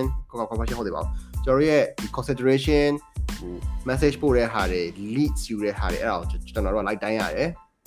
ထားပါတော့ဂျာထဲမှာတော့ဒီ reach နဲ့ leads နဲ့ဂျာထဲမှာတော့ engagement ရှိရပါလိမ့်နော်ဟိုကျွန်တော်တို့ဒီ content တွေကိုလူပတစ်ယောက်ကစိတ်ဝင်စားတဲ့ like ဖတ်နေလဲ like လုပ်လဲ comment လုပ်လဲ share လုပ်လဲ video view လုပ်လဲ click လုပ်လဲဆိုရဟာတွေရှိမှာပေါ့အဲ့အဲ့ဒါတိုင်းပြီဆိုလို့ရှိရင်ကျွန်တော်တို့ကလူပတစ်ယောက်တည်ပြီးလဲပြီးရဆိုလို့ရှိရင်ကျွန်တော်တို့ message ဖက်နဲ့ဆောင်းဝင်လာဆိုတော့ကျွန်တော်တိုင်းတယ်ပြီးတော့ပြီးတော့မှနောက်ဆုံးမှကျွန်တော်တို့ conversion ဘယ်လောက်ရှိလဲဆိုတော့ကျွန်တော်တိုင်းတာပေါ့လေဆိုတော့အဲ့ဒီတက်ဆင့်ခြင်းပြီးမှနောက်တက်ဆင့်ကျွန်တော် run ရပါတယ်အဲ့တော့အခုကိုဝေမိုးရဲ့ business ရဲ့အခြေအနေပေါ်မှာပြန်သုံးသပ်ပြီးတော့မှကိုဝေမိုးဒီ business uh, awareness ဘက်ကိုပို့ပြီး brand awareness ဘက်ကိုပို့ပြီးတွန်းတင်လာဒါမှမဟုတ်ရှင် uh, brand awareness ကတော့သူတည်နေတော့တည်သွားပြီဆိုလို့ရှိရင်ကျွန်တော်တို့ဒီ consideration များများရအောင်ဆိုပြီးတော့ consideration ဘက်ကို run နိုင်တဲ့ဥမာဒီ function တွေ services တွေ value added services တွေ uh, passive value လို့ခေါ်တဲ့ကျွန်တော်တို့ဒီဒီခံစားမှုတန်ဖိုးပေါ့လေဟို ဒီဟာတော့ဒီ set ကတော့30ပဲရှိမယ်ဒါပေမဲ့တကယ်ရတဲ့ဟာက30တဲ့ပိုများတယ်ဥပမာကျွန်တော်တို့ free service ပေးတဲ့ဟာမျိုးတွေဒါမှ free လာပို့ပေးမယ်ဆိုတဲ့ဟာမျိုးတွေအဲ့လိုမျိုးခံစားမှုတန်ဖိုးပို့ပြီးတော့များလာဆိုဆိုလို့ရှိရင်ကဒါ consideration stage ရောက်သွားပြီဆိုလို့ရှိရင်အများကြီးပို့ပြီးအဆင်ပြေရပါလေအဲ့တော့အဲ့ဒီလိုမျိုးကျွန်တော်သွားလို့ရတယ်အာအဲ့တော့လူလူလူတွေကလည်းတည်လဲ တည်နေပြီဟိုဝယ်ဖို့လည်းစဉ်းစားနေပြီဝယ်ဖို့အတွက်ကိုပဲကျွန်တော်တွန်းအောင်မယ်ဆိုလို့ရှိရင်တော့ဒါနောက်ဆုံး sales approach ပေါ့အဲ့တော့ sales approach တော့ရှင်းရှင်းပါတယ်ကျွန်တော်တို့ promotion တွေပေါ့လေ promotion တွေနဲ့ဒီများများလေးကျွန်တော်တိုးမင်းလက်နိုင်တယ်ဆိုလို့ရှိရင်ကအဆင်ပြေတယ်ဟုတ်လားအဲ့တော့ဘာလို့ KPI တိုင်ရမလဲဆိုတော့ဘယ် stage ရောက်နေပြီလဲဆိုကိုယ့်ရဲ့ business ကဘယ် stage မှာလဲဆိုတော့ကိုယ့်ကိုသိရဆိုလို့ရှိရင်ကကိုဘာနဲ့ time လဲဆိုတာအဲ့ဒါအဖြေထွက်လာပါလိမ့်မယ်အော်နောက်ဆုံးမေးချင်တာ contact calendar ကိုတဲ့အချိတ်ဆက်လေးမိအောင်ဆိုတာဘယ်လိုမျိုးပြောလဲမသိဟို အဲ့အချိတ်ဆက်ဆိုတာကဘယ်လိုအချိတ်ဆက်လဲကျွန်တော်တို့ match လာမှာတင်မဲ့ content နဲ့အာ April လာမှာတင်မဲ့ content နဲ့ချိန်နေမှာပြောရလားအဲ့လိုမဟုတ်ဘူးနဲ့တူတယ်ဟုတ်လားကျွန်တော်ဆိုတော့ကျွန်တော်ကကျွန်တော်တို့ brand positioning တခုဆောက်ပြီဆိုလို့ရှိရင်ဗျာကျွန်တော် Alex Kain ဆိုလို့ရှိရင်ကျွန်တော်အမြဲတမ်း marketing ကိုပဲကျွန်တော်တောပေးတယ်ဒီ business ကိုပဲကျွန်တော်တောပေးရပေါ့လေဆိုတော့အာကျွန်တော်ရဲ့ develop မှာဆိုလို့ရှိရင်လည်းဒီ develop group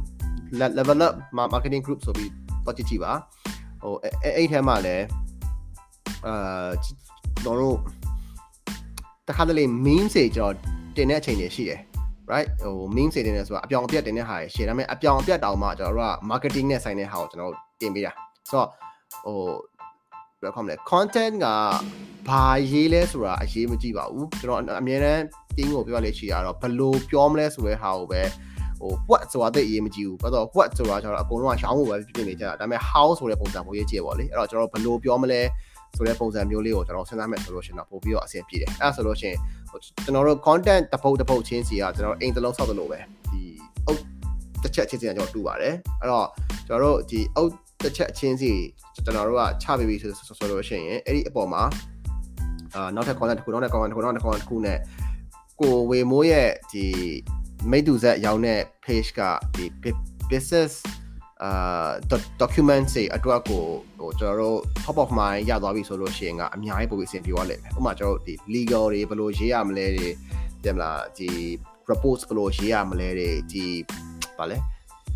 proposal ဘယ်လိုရေးရမလဲတွေဘာတွေညာတွေပေါ့လေနော်အဲ့လိုမျိုးဒီ documentation နဲ့ပတ်သက်လာပြီဆိုလို့ရှိရင်ကိုဝေမိုးတို့ page ရလို့လူတွေရဲ့စိတ်ထဲရောက်သွားပြီဆိုတာနဲ့အမှရုံးစာဘယ်လိုရေးရမလဲဆိုတာမျိုးပေါ့နော်အဲ့လိုမျိုးရောက်သွားပြီဆိုတာနဲ့ဒါကိုဝေမိုးတို့ကအဲ့တော့အဲ့ဒီလိုမျိုး share ပေးတဲ့ page တွေတခါမှကျွန်တော်မမြင်ဘူးသေးဘူးရေနောက်ဆုံး HR တွေတောင်မှအဲ့လိုမျိုး share ပေးရမျိုးမရှိဘူးပေါ့လေနော်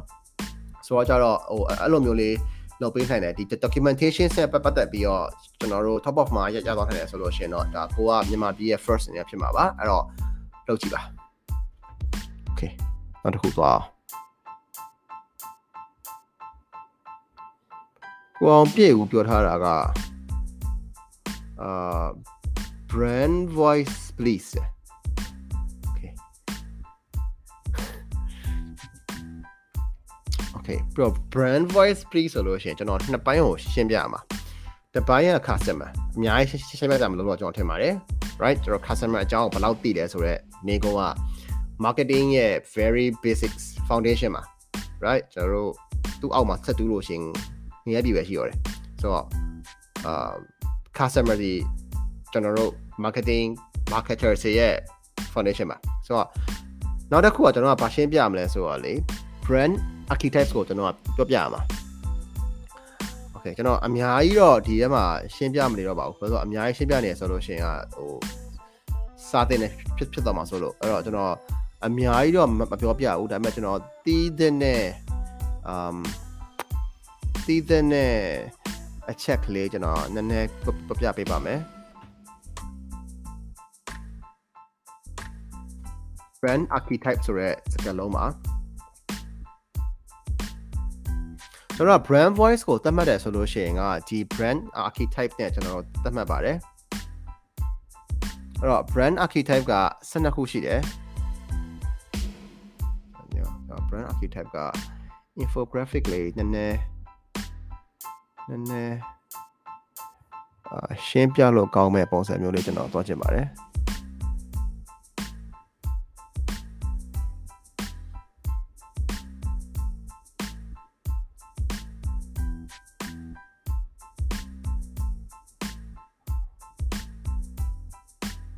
okay okay ဆိုတော့အာ ဆောဆောဟာလည်းကြောက်ပြရတော့မယ်ဒါနဲ့အဆင်ပြေ okay ကျွန်တော် brand archetype 12မျိုးရှိတယ်ဘာလို့ဒါကိုပြောရလဲဆိုတော့လေဟိုအဓိကအရေးကြီးတာဒီဒီကိုယ့်ရဲ့ page ကဘယ်လို positioning မျိုးနဲ့သွားမလဲဆိုတဲ့ဟာကကျွန်တော်ရဲ့ brand archetype ပေါ်မှာအများကြီးစကားပြောတယ် for example ဗျာကျွန်တော်ပြောမှာဆိုလို့ရှိရင်ဒီကိုယ့်ရဲ့ brand archetype ဆိုတာ တစ်ခုကိုရွေရမယ်တော့မဟုတ်ပေါ့နော်ကျွန်တော်တစ်ခါတလေကြလို့ရှိရင်နှစ်ခုကိုရွေးလိုက်ပြီးတော့မှအဲ့နှစ်ခုရဲ့ဂျားလေးထဲမှာကျွန်တော်နှစ်နှစ်ခုပေါင်းထားတဲ့ brand voice ဖြစ်ဖြစ်သွားတယ်ဆိုတော့ကြတော့အာဒါပေမဲ့ဒါကတည်ထားရဆိုဆိုလို့ရှိရင်တော့အများကြီးပို့ပြီးတော့ကျွန်တော်တို့အကျိုးရှိပါလိမ့်မယ်ကျွန်တော်ကျွန်တော် brand တွေပါပါတယ်ဆိုလို့ရှိရင်ပိုကောင်းတယ် okay ဒါဆိုပိုကောင်းတယ်အဲ့တော့ကျွန်တော်တို့ဟို ပထမပထမဒီဘက် quadrant ပေါ့လေဒီဘက်ဆိုတာဒီ spirituality quadrant ဟို spiritual spiritual spirituality quadrant ဆိုတာကြတော့ဘယ်လိုလဲဆိုတော့ဟိုစိတ်ထဲကနေပြီးတော့မှကျွန်တော်တို့ connect ဖြစ်သွားတဲ့ချိတ်ဆက်မိသွားတဲ့ပုံစံမျိုးအဲ့တော့ကျွန်တော်တို့မှာ Dove တို့ဒီ Google တို့ Jeep တို့ပုံစံမျိုးတွေကြာကျွန်တော်အခုလည်းအာ okay podcast နောက်ထောင်နေတဲ့သူတွေ ဟိုကျွန်တော်ပုံနဲ့ကြည့်ကျင်တယ်ဆိုလို့ရှိရင်တော့ again ပေါ့နော်ကျွန်တော် YouTube နဲ့ Facebook မှာ episode 111ရှိပါတယ်တော့ကြည့်ပေးပါ okay အဲ့တော့ကျွန်တော်ဒီအဲ့ဒီ3ခုအဲ့ဒီ segment 3အဲ့ segment တွေမှာပါတဲ့3ခုတွေကဘာပါလဲဆိုတော့ဟို sage ရယ် explorer ရယ်ကျွန်တော်ဒီ innocent ရယ်ဆိုပြီး3ခုပါတယ်အဲ့တော့ innocent ဆိုတာကကြတော့သူတို့ရဲ့သုံးလိုက်တဲ့စကားလုံးတွေဒီ အပြစ်ကင်းတဲ့အာခါမှာတော့ကောင်မလေးတယောက်ကောင်လေးတယောက်ဥမာလောကကြီးကိုဟိုအပြစ်ကင်းတဲ့ဘက်ကနေပြီးတော့ကြည်တယ်ဒါမှမဟုတ်အပြစ်ကင်းတဲ့ကလေးရဲ့ဘက်ကနေပြီးတော့ကြည်တယ်လောကကြီးဒီအပြစ်ကင်းပါလားဆိုတော့ဒီဘယ်လိုခေါ်မလဲအမြင်ဘက်ကိုပို့သွားတယ်เนาะအဲ့အဲ့ဒါကဒီကိုယ့်ရဲ့ brand ဒီ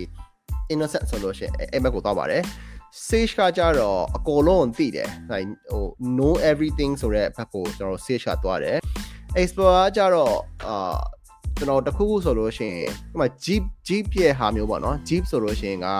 ကျွန်တော်ကားဟိုလုံးဝအကျန်းပလန်ကြီးမောင်းပြပြီးတော့လေလုံးဝဟို off road ကြီးမောင်းချသွားတဲ့ပုံစံမျိုးတွေပေါ့နော်သူက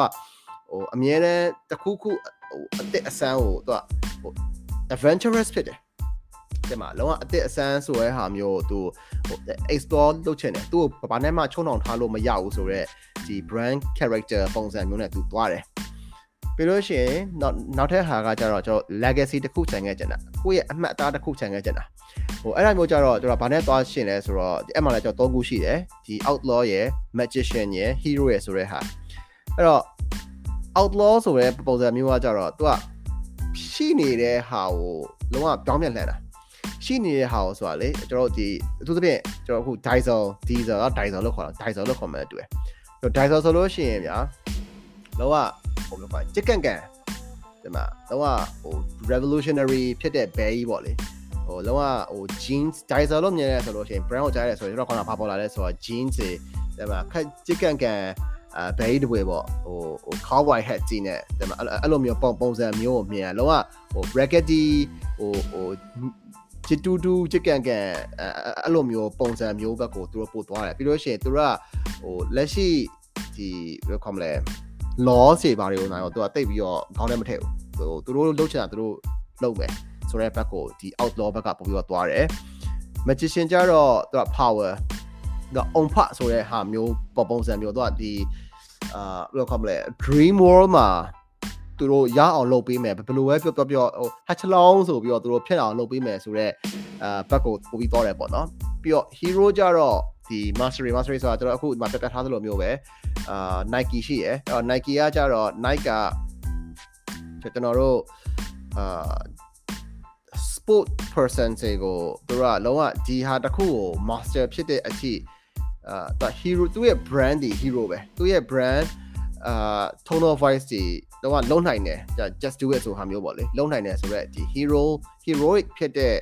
အာ voice back ကိုပို့ပြီးတော့သွားပါတယ်ဆိုတော့ okay အဲ့တော့ကျွန်တော်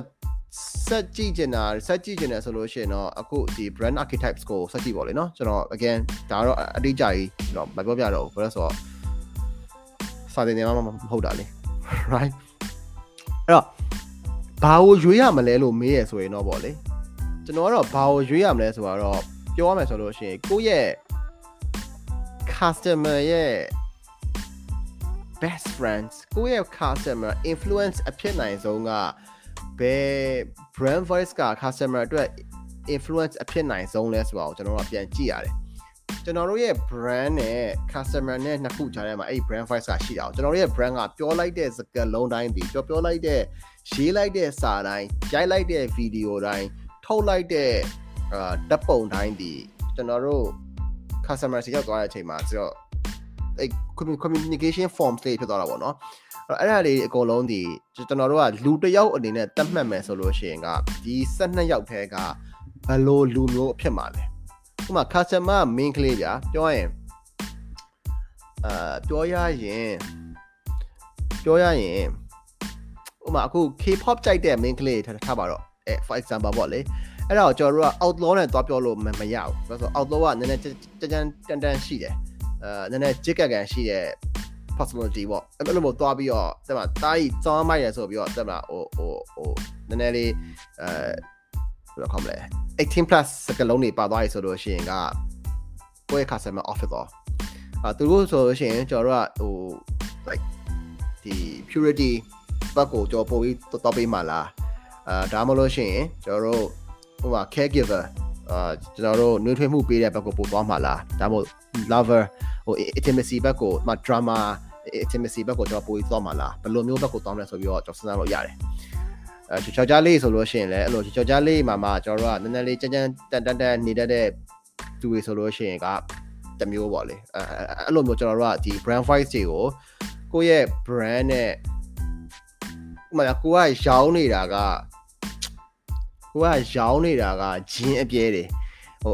အဲ့ဒါအောင်မှသွားပြီးတော့တင်မှာဟို caregiver လိုမျိုးလေဟိုနူးညံ့ညံ့စကားလုံးလေးနဲ့ဒီမှာ dramatic စကားလုံးနဲ့သွားပြီးပြောရဆိုလို့ရှိရင်ကတေးတေးကြတယ်ကို customer ကြိုက်မှာမဟုတ်ဘူးဟိုအဲ့တော့ကြတော့ဒီ brand ဆက်နှစ်ခုထဲမှာကိုယ့်ရဲ့ကိုယ့်ရဲ့ဒီ brand ရဲ့ personality ပေါ့နော် brand ရဲ့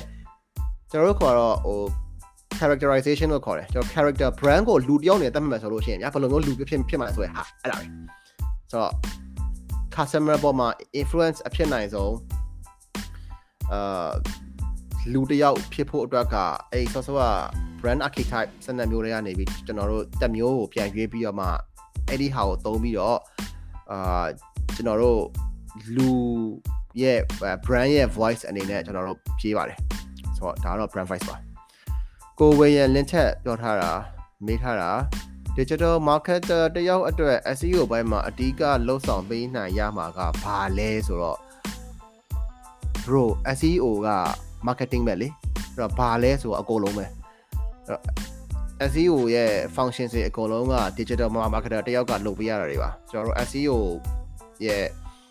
expert ဆိုလို့ရှိရင်ဘာလုပ်ရလဲဆိုတော့ကျွန်တော်တို့အထဲမှာဒီ technical bug ကိုကျွန်တော်တို့ ready ဖြစ်ပြီလား ကျွန်တော်တို့အာ Google sitemap ထဲမှာ website ထဲမှာ sitemap ရှိလား Google crawler နဲ့ကျွန်တော်ချိန်လို့ရပြီဆိုတော့ search engine ရဲ့ crawler နဲ့ကျွန်တော်ချိန်လို့ရပြီလားအာပြီးလို့ရှိရင်ကျွန်တော်တို့ဒီ website ဒီထဲမှာအာ site speed ကဘယ်လောက်ရှိလဲ error page တွေပါတယ်ရှိလဲ meta tag တွေပါတယ်ညာတွေပါတယ်ရှိလဲအဲ့တော့စတဲ့စတဲ့စတဲ့စတဲ့စတဲ့ဒီ technical အရာကိုကျွန်တော် ready ဖြစ်အောင်လုပ်ပေးရတယ်အဲ့ဒါပထမဦးဆုံးလုပ်ရတဲ့ SEO expert တယောက်ရဲ့တာဝန်ပါဒုတိယချက်ဆိုလို့ရှိရင်ကျွန်တော်တို့ on site နဲ့ off site ဆိုပြီးတော့နှစ်မျိုးထပ်ခွဲတယ်အဲ့တော့ on site မှာကျတော့ဟိုဘယ်လိုခေါ်မလဲကျွန်တော်တို့ content တွေဒီကျွန်တော်တို့ရေးလိုက်တဲ့ content တွေမှာတုံးထားတဲ့စကားလုံးတွေက SEO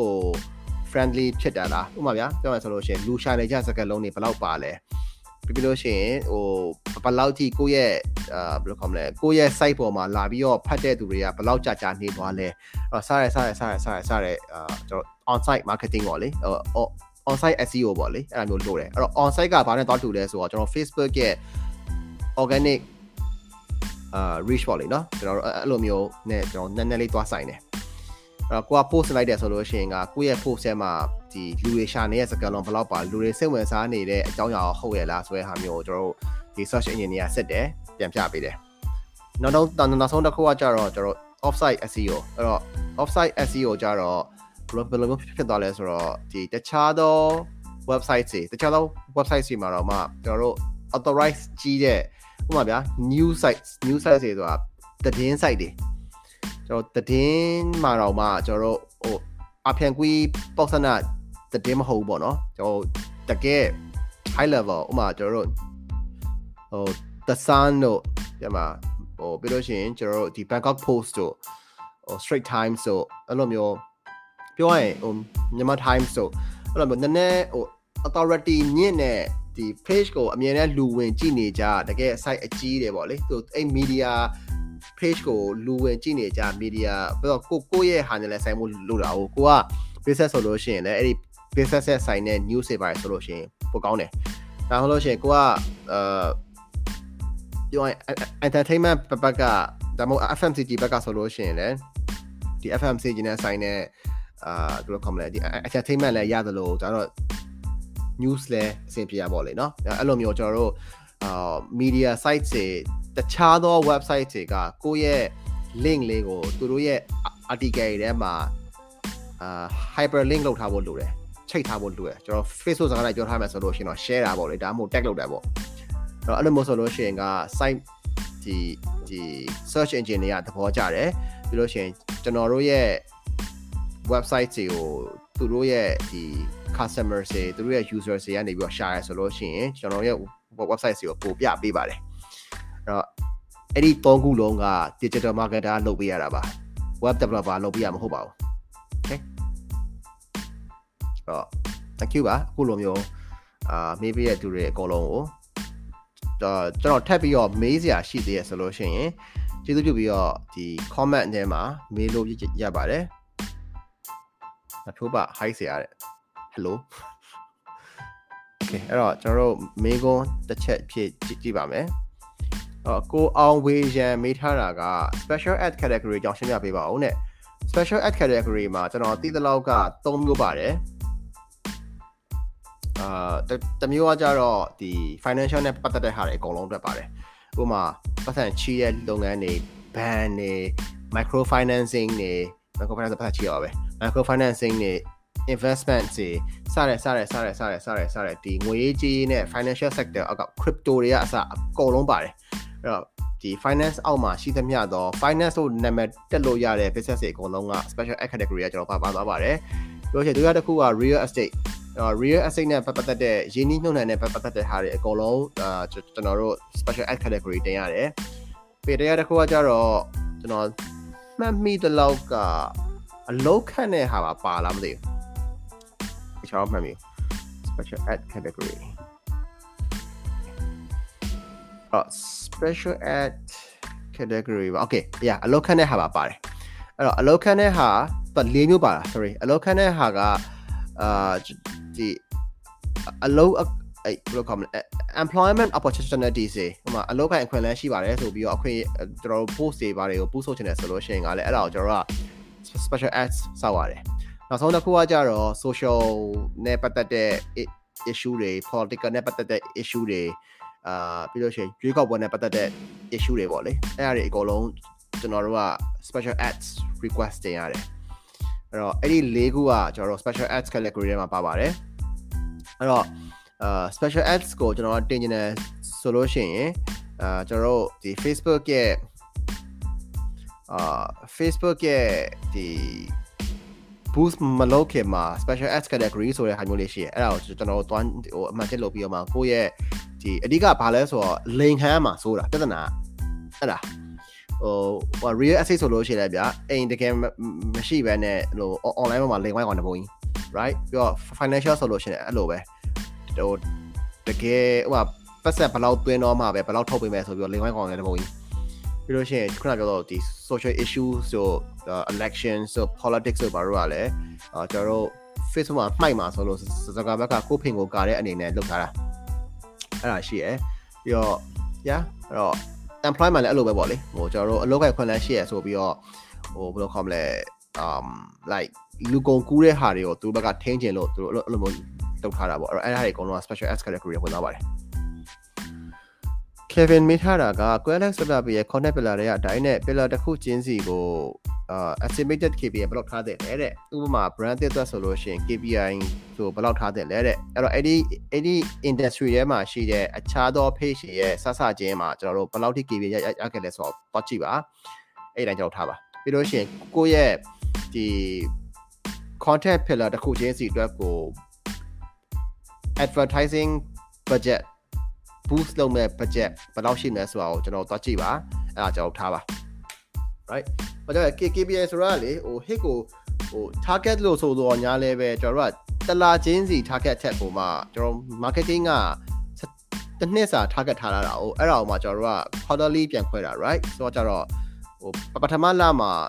ကျွန်တော်3လ3လ first quarter မှာကျွန်တော်တို့ဘယ်လောက်ဆိုပြီးထားရတာပေါ့လေနော်အဲ့တော့အဲ့ဒါကိုထားပြီးဆိုလို့ရှိရင်ကျွန်တော်တို့က အဲ့ first quarter ရဲ့ target ကိုမှဒီ3 3 months ကိုကျွန်တော်ပြန်ခွဲတာ哦ဆိုတော့ကြတော့အဲ့ဒီနေရာမှာပဲကျွန်တော်တို့နည်းနည်းပြန်ကြည့်ရပါလေ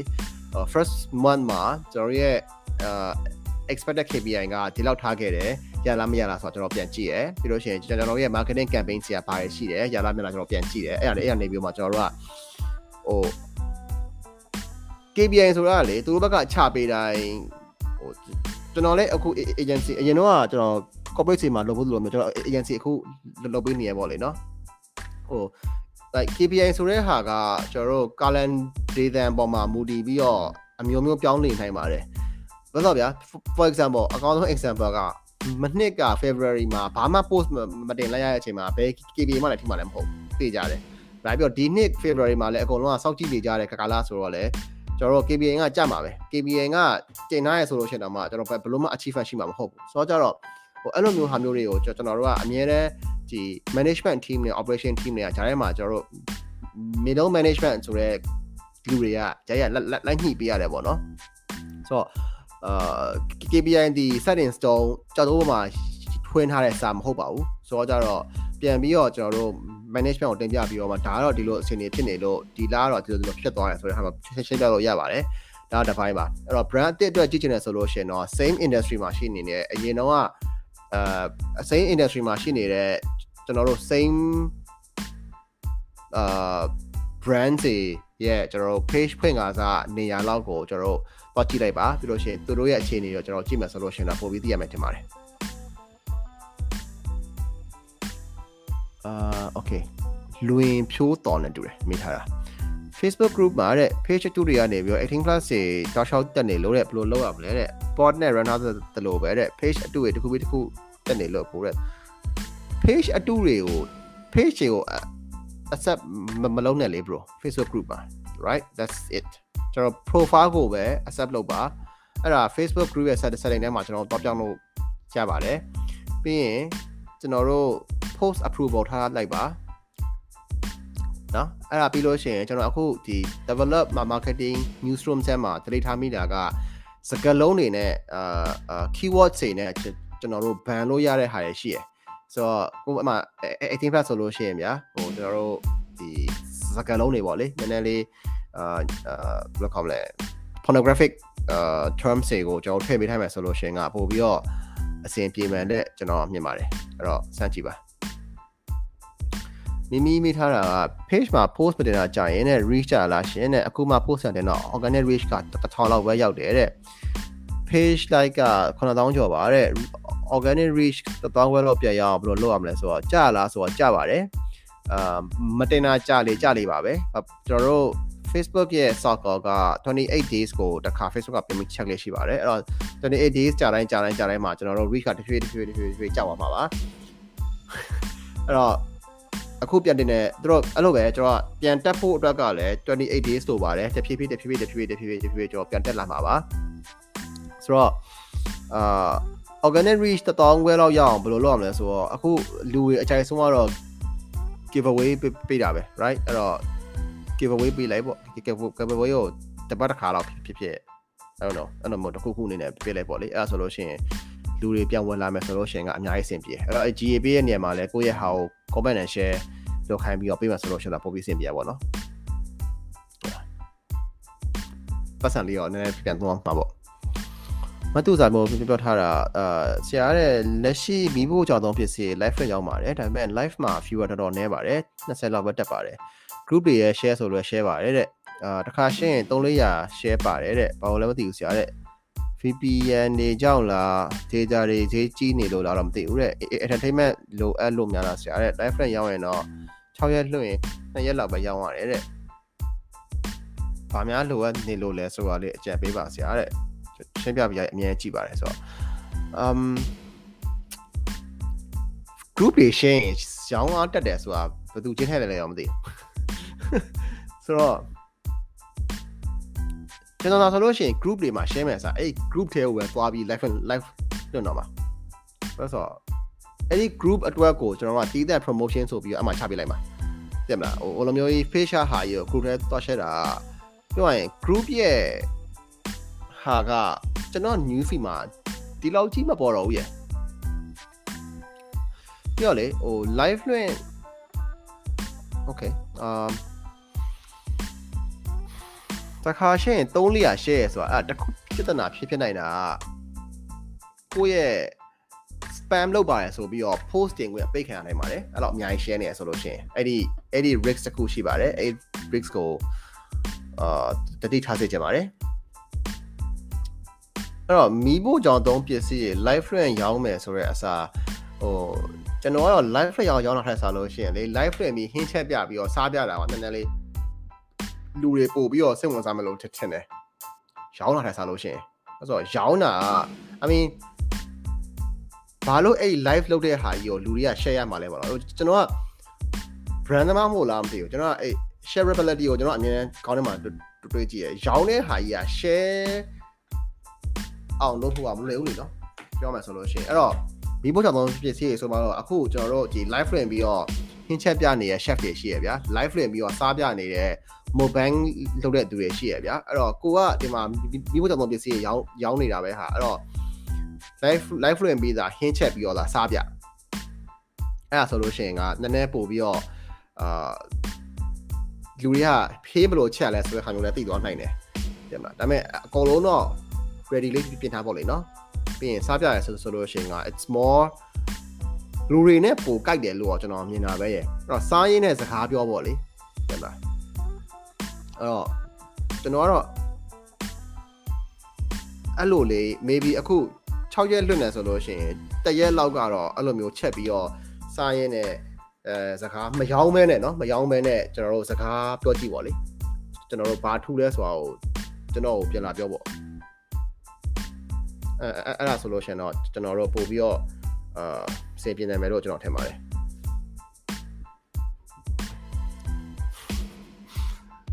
Hi အမမစင်းနေက Twitch ကြီးကြကြနေလို့တဲ့ဘာလို့တင်လဲဆိုတော့အမကျွန်တော် client ဆိုတော့ကျွန်တော်ဘယ်လိုလုပ်ပြရမလဲကျွန်တော်အာ reach ကြနေရဆိုလို့ရှိရင်တော့ကျွန်တော်မြင်တာတော့ဒီအပိုင်းကอืมမြင်တာတော့ဟို ကျွန်တော်တို့ဒီ business တွေအကုန်လုံးကတော့လက်ရှိလူတွေစိတ်ဝင်စားနေရတော့ live လို့ပဲကျွန်တော်မြင်မြင်တာပဲရယ်အဲ့တော့ဒီ Facebook live အနေနဲ့လုပ်ပေးနိုင်မယ်ဆိုလို့ရှိရင်အာကျွန်တော်တို့ပို့ပြီးတော့အာ reach အနေထားတဲ့ဆိုလို့ရှိရင်တော့ပို့ပြီးကောင်းလာနိုင်မယ်လို့ကျွန်တော်ယူဆတယ်အာပြီးလို့ရှိရင်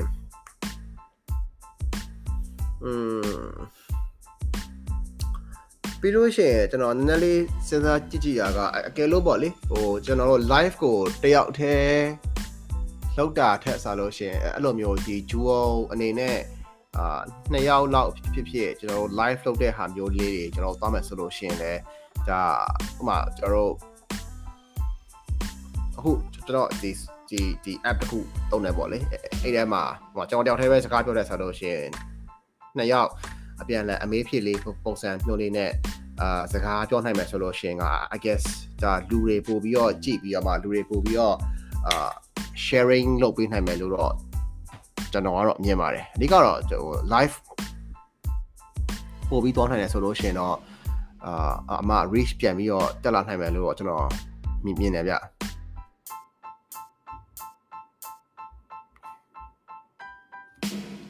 အမီမီက စောစောကပြောရတဲ့ group ထဲမှာ promotion ပေးရဆိုတာဘယ်လိုမျိုးလဲတဲ့မဟုတ်ဘူးလေကျွန်တော်ပြောတာ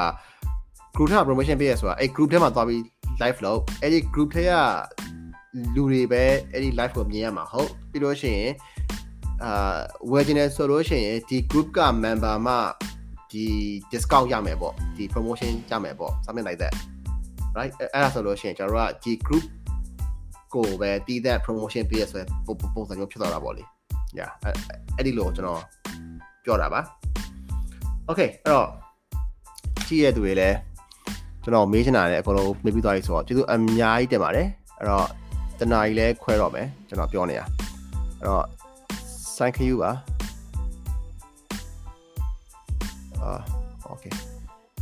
မတ်တူစာမောက group share တွေအများကြီးမ share တော့ဘဲနဲ့တဲ့ live လွှင့်အရောင်အမြဲလွှင့်တင်လာတဲ့အဲ့လိုလွှင့်ရင်တော့အဆင်ပြေနိုင်လားဆရာတဲ့တစ်ချိန်လုံးရောင်းနေတော့ဘူးမှဝယ်ရမှာမဟုတ်တော့ဘူး ကျွန်တော်တော့အဲ့လိုပဲမြင်တာပဲရယ်ပြောတော့လေ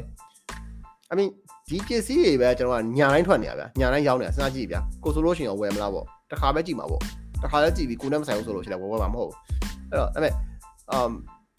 ကျွန်တော်ကပစ္စည်းရောင်းနေတာဆိုလို့ရှိရင်ပစ္စည်းကိုသုံးပြတာပို့ပြီးတော့သဘောကျအဲ့ကြောင့်ကျွန်တော်ဆော့ဆော့ပြောတာဟို like မိဖို့ကြောင့်ပစ္စည်းရောင်းနေမှာတော့တခါတည်းချက်ပြပြီးတော့လက်တွေ့ဒီပစ္စည်းကဘယ်လိုမျိုးရှိတယ်ဆိုတဲ့ဟာမျိုးလက်တွေ့ ချက်ပြပြီးလက်လက်တွေ့စားပြလိုက်တာကလူတွေကအော် okay ဒါကို share ချင်တယ်ဆိုပြီးတော့ share သွားနိုင်ကြပို့ပြီးတော့များတယ် right အဲ့လိုမဟုတ်ဘဲနဲ့ရောင်းတယ်ရောင်းတယ်ရောင်းတယ်ရောင်းတယ်ဆိုတဲ့နေရာမှာလေနေနဲ့ရောင်းနေရဆိုလို့ရှိရင်မိဖို့ကြောင့်ပစ္စည်းတွေအထည်လည်းမဟုတ်ဗျာအထည်အောင်မှတည့်မလားနည်းနည်းမတူတဲ့အစင်လေးပါလေးပါမလားဆိုပြီးတော့လူတွေကလှုပ်ဝဲကြခြင်းတဲ့ဟာရှိရမိဖို့ကြောင့်ပစ္စည်းကဓာတ်တွေကြီးပဲကျွန်တော်ဒီအိုးတွေဒီခွက်တွေဒီပကံတွေဒီရောင်းမတွေဒီစစွန်းတွေဒီခရင်တွေပဲအာ ဖြစ်နေကြတာဆိုတော့ကြတော့ကျွန်တော်ကတော့အဲ့ဒါကိုအဲ့လိုမျိုးဒီချိန်လုံး live stream ပြီးတော့ရောင်းတာတဲ့ဆာလို့ရှင်ကဒီလူတွေ share ကျင်လာအောင်ဘယ်လိုမျိုးလှည့်လို့ရလဲပေါ့နော်ကျွန်တော်အဲ့လိုမျိုးလေးစဉ်းစားစစ်ဆေးခြင်းပါတယ် okay အဲ့တော့ပြီးပါပြီ ဟောရှိသွားတော့တော့လိုက်ပါဦးမယ်အဲ့တော့ကျေးဇူးအများကြီးတင်ပါတယ်အဲ့တော့ကျွန်တော်တို့ပုံစံအတိုင်းအာတခုခု marketing okay ဒီမှာတခုလေးကျွန်တော်ကျင်တာကကျွန်တော်စီမှာအခုလက်ရှိမှာဒီ SME တွေကိုကျွန်တော် service ပေးဖို့အတွက်ကို level 1အာ agency ဆိုပြီးတော့ကျွန်တော် team ကနေ set ပြီး run နေတဲ့ဟာလေးတခုရှိပါတယ်ဆိုတော့ကျွန်တော် team ကိုကျွန်တော်အကုန်လုံးပေးထားပါတယ်အဲအဲ့တော့ level 1ကနေပြီးတော့မှဒီ SME တွေကိုလုပ်ပေး ရာကိုကို agent အောင်ကြည့်နေဆိုတာကျွန်တော်သိအောင်မသိဘူး thank you ပါအကို yeah marketing ရဲ့ sales ရဲ့မတူတာမျိုးလို့ထင်တာပဲတဲ့ sales ပဲလုပ်လို့လို့မရပါ exactly ကိုဟို yeah ရောင်းယုံနဲ့ရောင်းနေရဆိုလို့ရှင်တော့လေဘယ်လိုရှင်းပြမလဲပေါ့လေနော်ကျေးဇူးပါအကိုဝင်ပြီးဖြည့်ပေးတာအဲ့တော့အာကျွန်တော် SME တွေကိုတခုခုလိုအပ်တယ်ဆိုတော့နောက်ဆုံးဒီ Facebook live sales တွေအစပေါ့လေဟိုကျွန်တော်တို့ အာ team ကနေပြီးတော့အခုလုပ်ပေးနေတဲ့ဟာရှိပါတယ်ဒီကျွန်တော်အခု collaboration လုပ်ထားတဲ့ team က Samsung ရဲ့အခုဗာလဲအခုဟာတော့မဟုတ်ဘူးအရင်တစ်ခေါက်က S series နဲ့သူတို့ live လုပ်တဲ့ဟာကိုကအစားသူတို့ရိုက်ပေးသွားတာပါဆိုတော့ um ကျွန်တော်တို့ကျွန်တော်တို့ဒီ live တွေကအစားကျွန်တော်တို့ဘယ်လိုမျိုးမဆိုကျွန်တော်တို့ဘက်က အာ SME တွေရောဒီလုပ်ငန်းအကြီးတွေရောအတွက်ကိုကျွန်တော်လုပ်ပေးနိုင်ပါတယ် level 1အတွက် intern မရှိဘူးလားခင်ဗျားကျွန်တော်တို့ client ရလာပြီဆိုလို့ရှိရင်အဲ့ခေါ်ပါမယ်အခုမှဟိုကျွန်တော်အဲ့ဒီ level 1ကိုစလိုက်တဲ့အချိန်မှာအဲ့ level 1ရဲ့ကျွန်တော်ကို founder ကဖျားသွားတယ်ဖျားသွားတာဆိုတော့ကျွန်တော်တို့အခုဘယ် client မှတော့ pitch မလုပ်ရသေးဘူး client proposal တင်ဖို့တဲ့ဟာရောင်ရှိရယ်ဒါပေမဲ့ client တွေကို proposal ရေးဖို့ဆရာသမားကဖျားနေတာဆိုတော့တရက်ကမှနေနေပြန်ကောင်းတာဆိုတော့ ကျွန်တော်တို့အကယ်လို့အဲ့ဒီ level 1 client တွေများလာတဲ့အဲကျွန်တော်အကူအညီလိုလာပဲဆိုလို့ရှိရင်တော့ကျွန်တော်ခေါ်ပါမယ်ကျွန်တော်အခုတော့မှ level up တော့ကိုကျွန်တော် AE တယောက်နဲ့ AM တယောက်ကျွန်တော်ထပ်ပြီးတော့ဖြည့်ထားပါသေးတယ်ဆိုတော့အာ grow line တော့စိတ်ချပါဟိုကျွန်တော်ရည်ရွယ်ချက်ကိုကအာ next generation စေအကုန်လုံးကျွန်တော်သိသလောက်အကုန်လုံးကျွန်တော်ပြီးခဲ့ကြတာ ဆိုတော့ကြတော့ကျွန်တော်အာအတက်နိုင်ဆုံးလက်တော့ပြီးခေါ်ပေးပါမယ်ဆိုတော့တခုခုတခုခုဆိုလို့ရှိရင်ကျွန်တော်ဒီ level up marketing group ဆိုတဲ့ page ရှိပါတယ်အဲ့ဒီ page ပေါ်မှာကျွန်တော်အမြဲတမ်းဒီ job opportunity ရှိရဲ့အလုပ်မဲ့ plan တွေရှိရဲ့ဆိုလို့ရှိရင်ကျွန်တော် post ပေးပါမယ်เนาะအဲ့တော့တစ်ချက်လေး level up marketing group ကို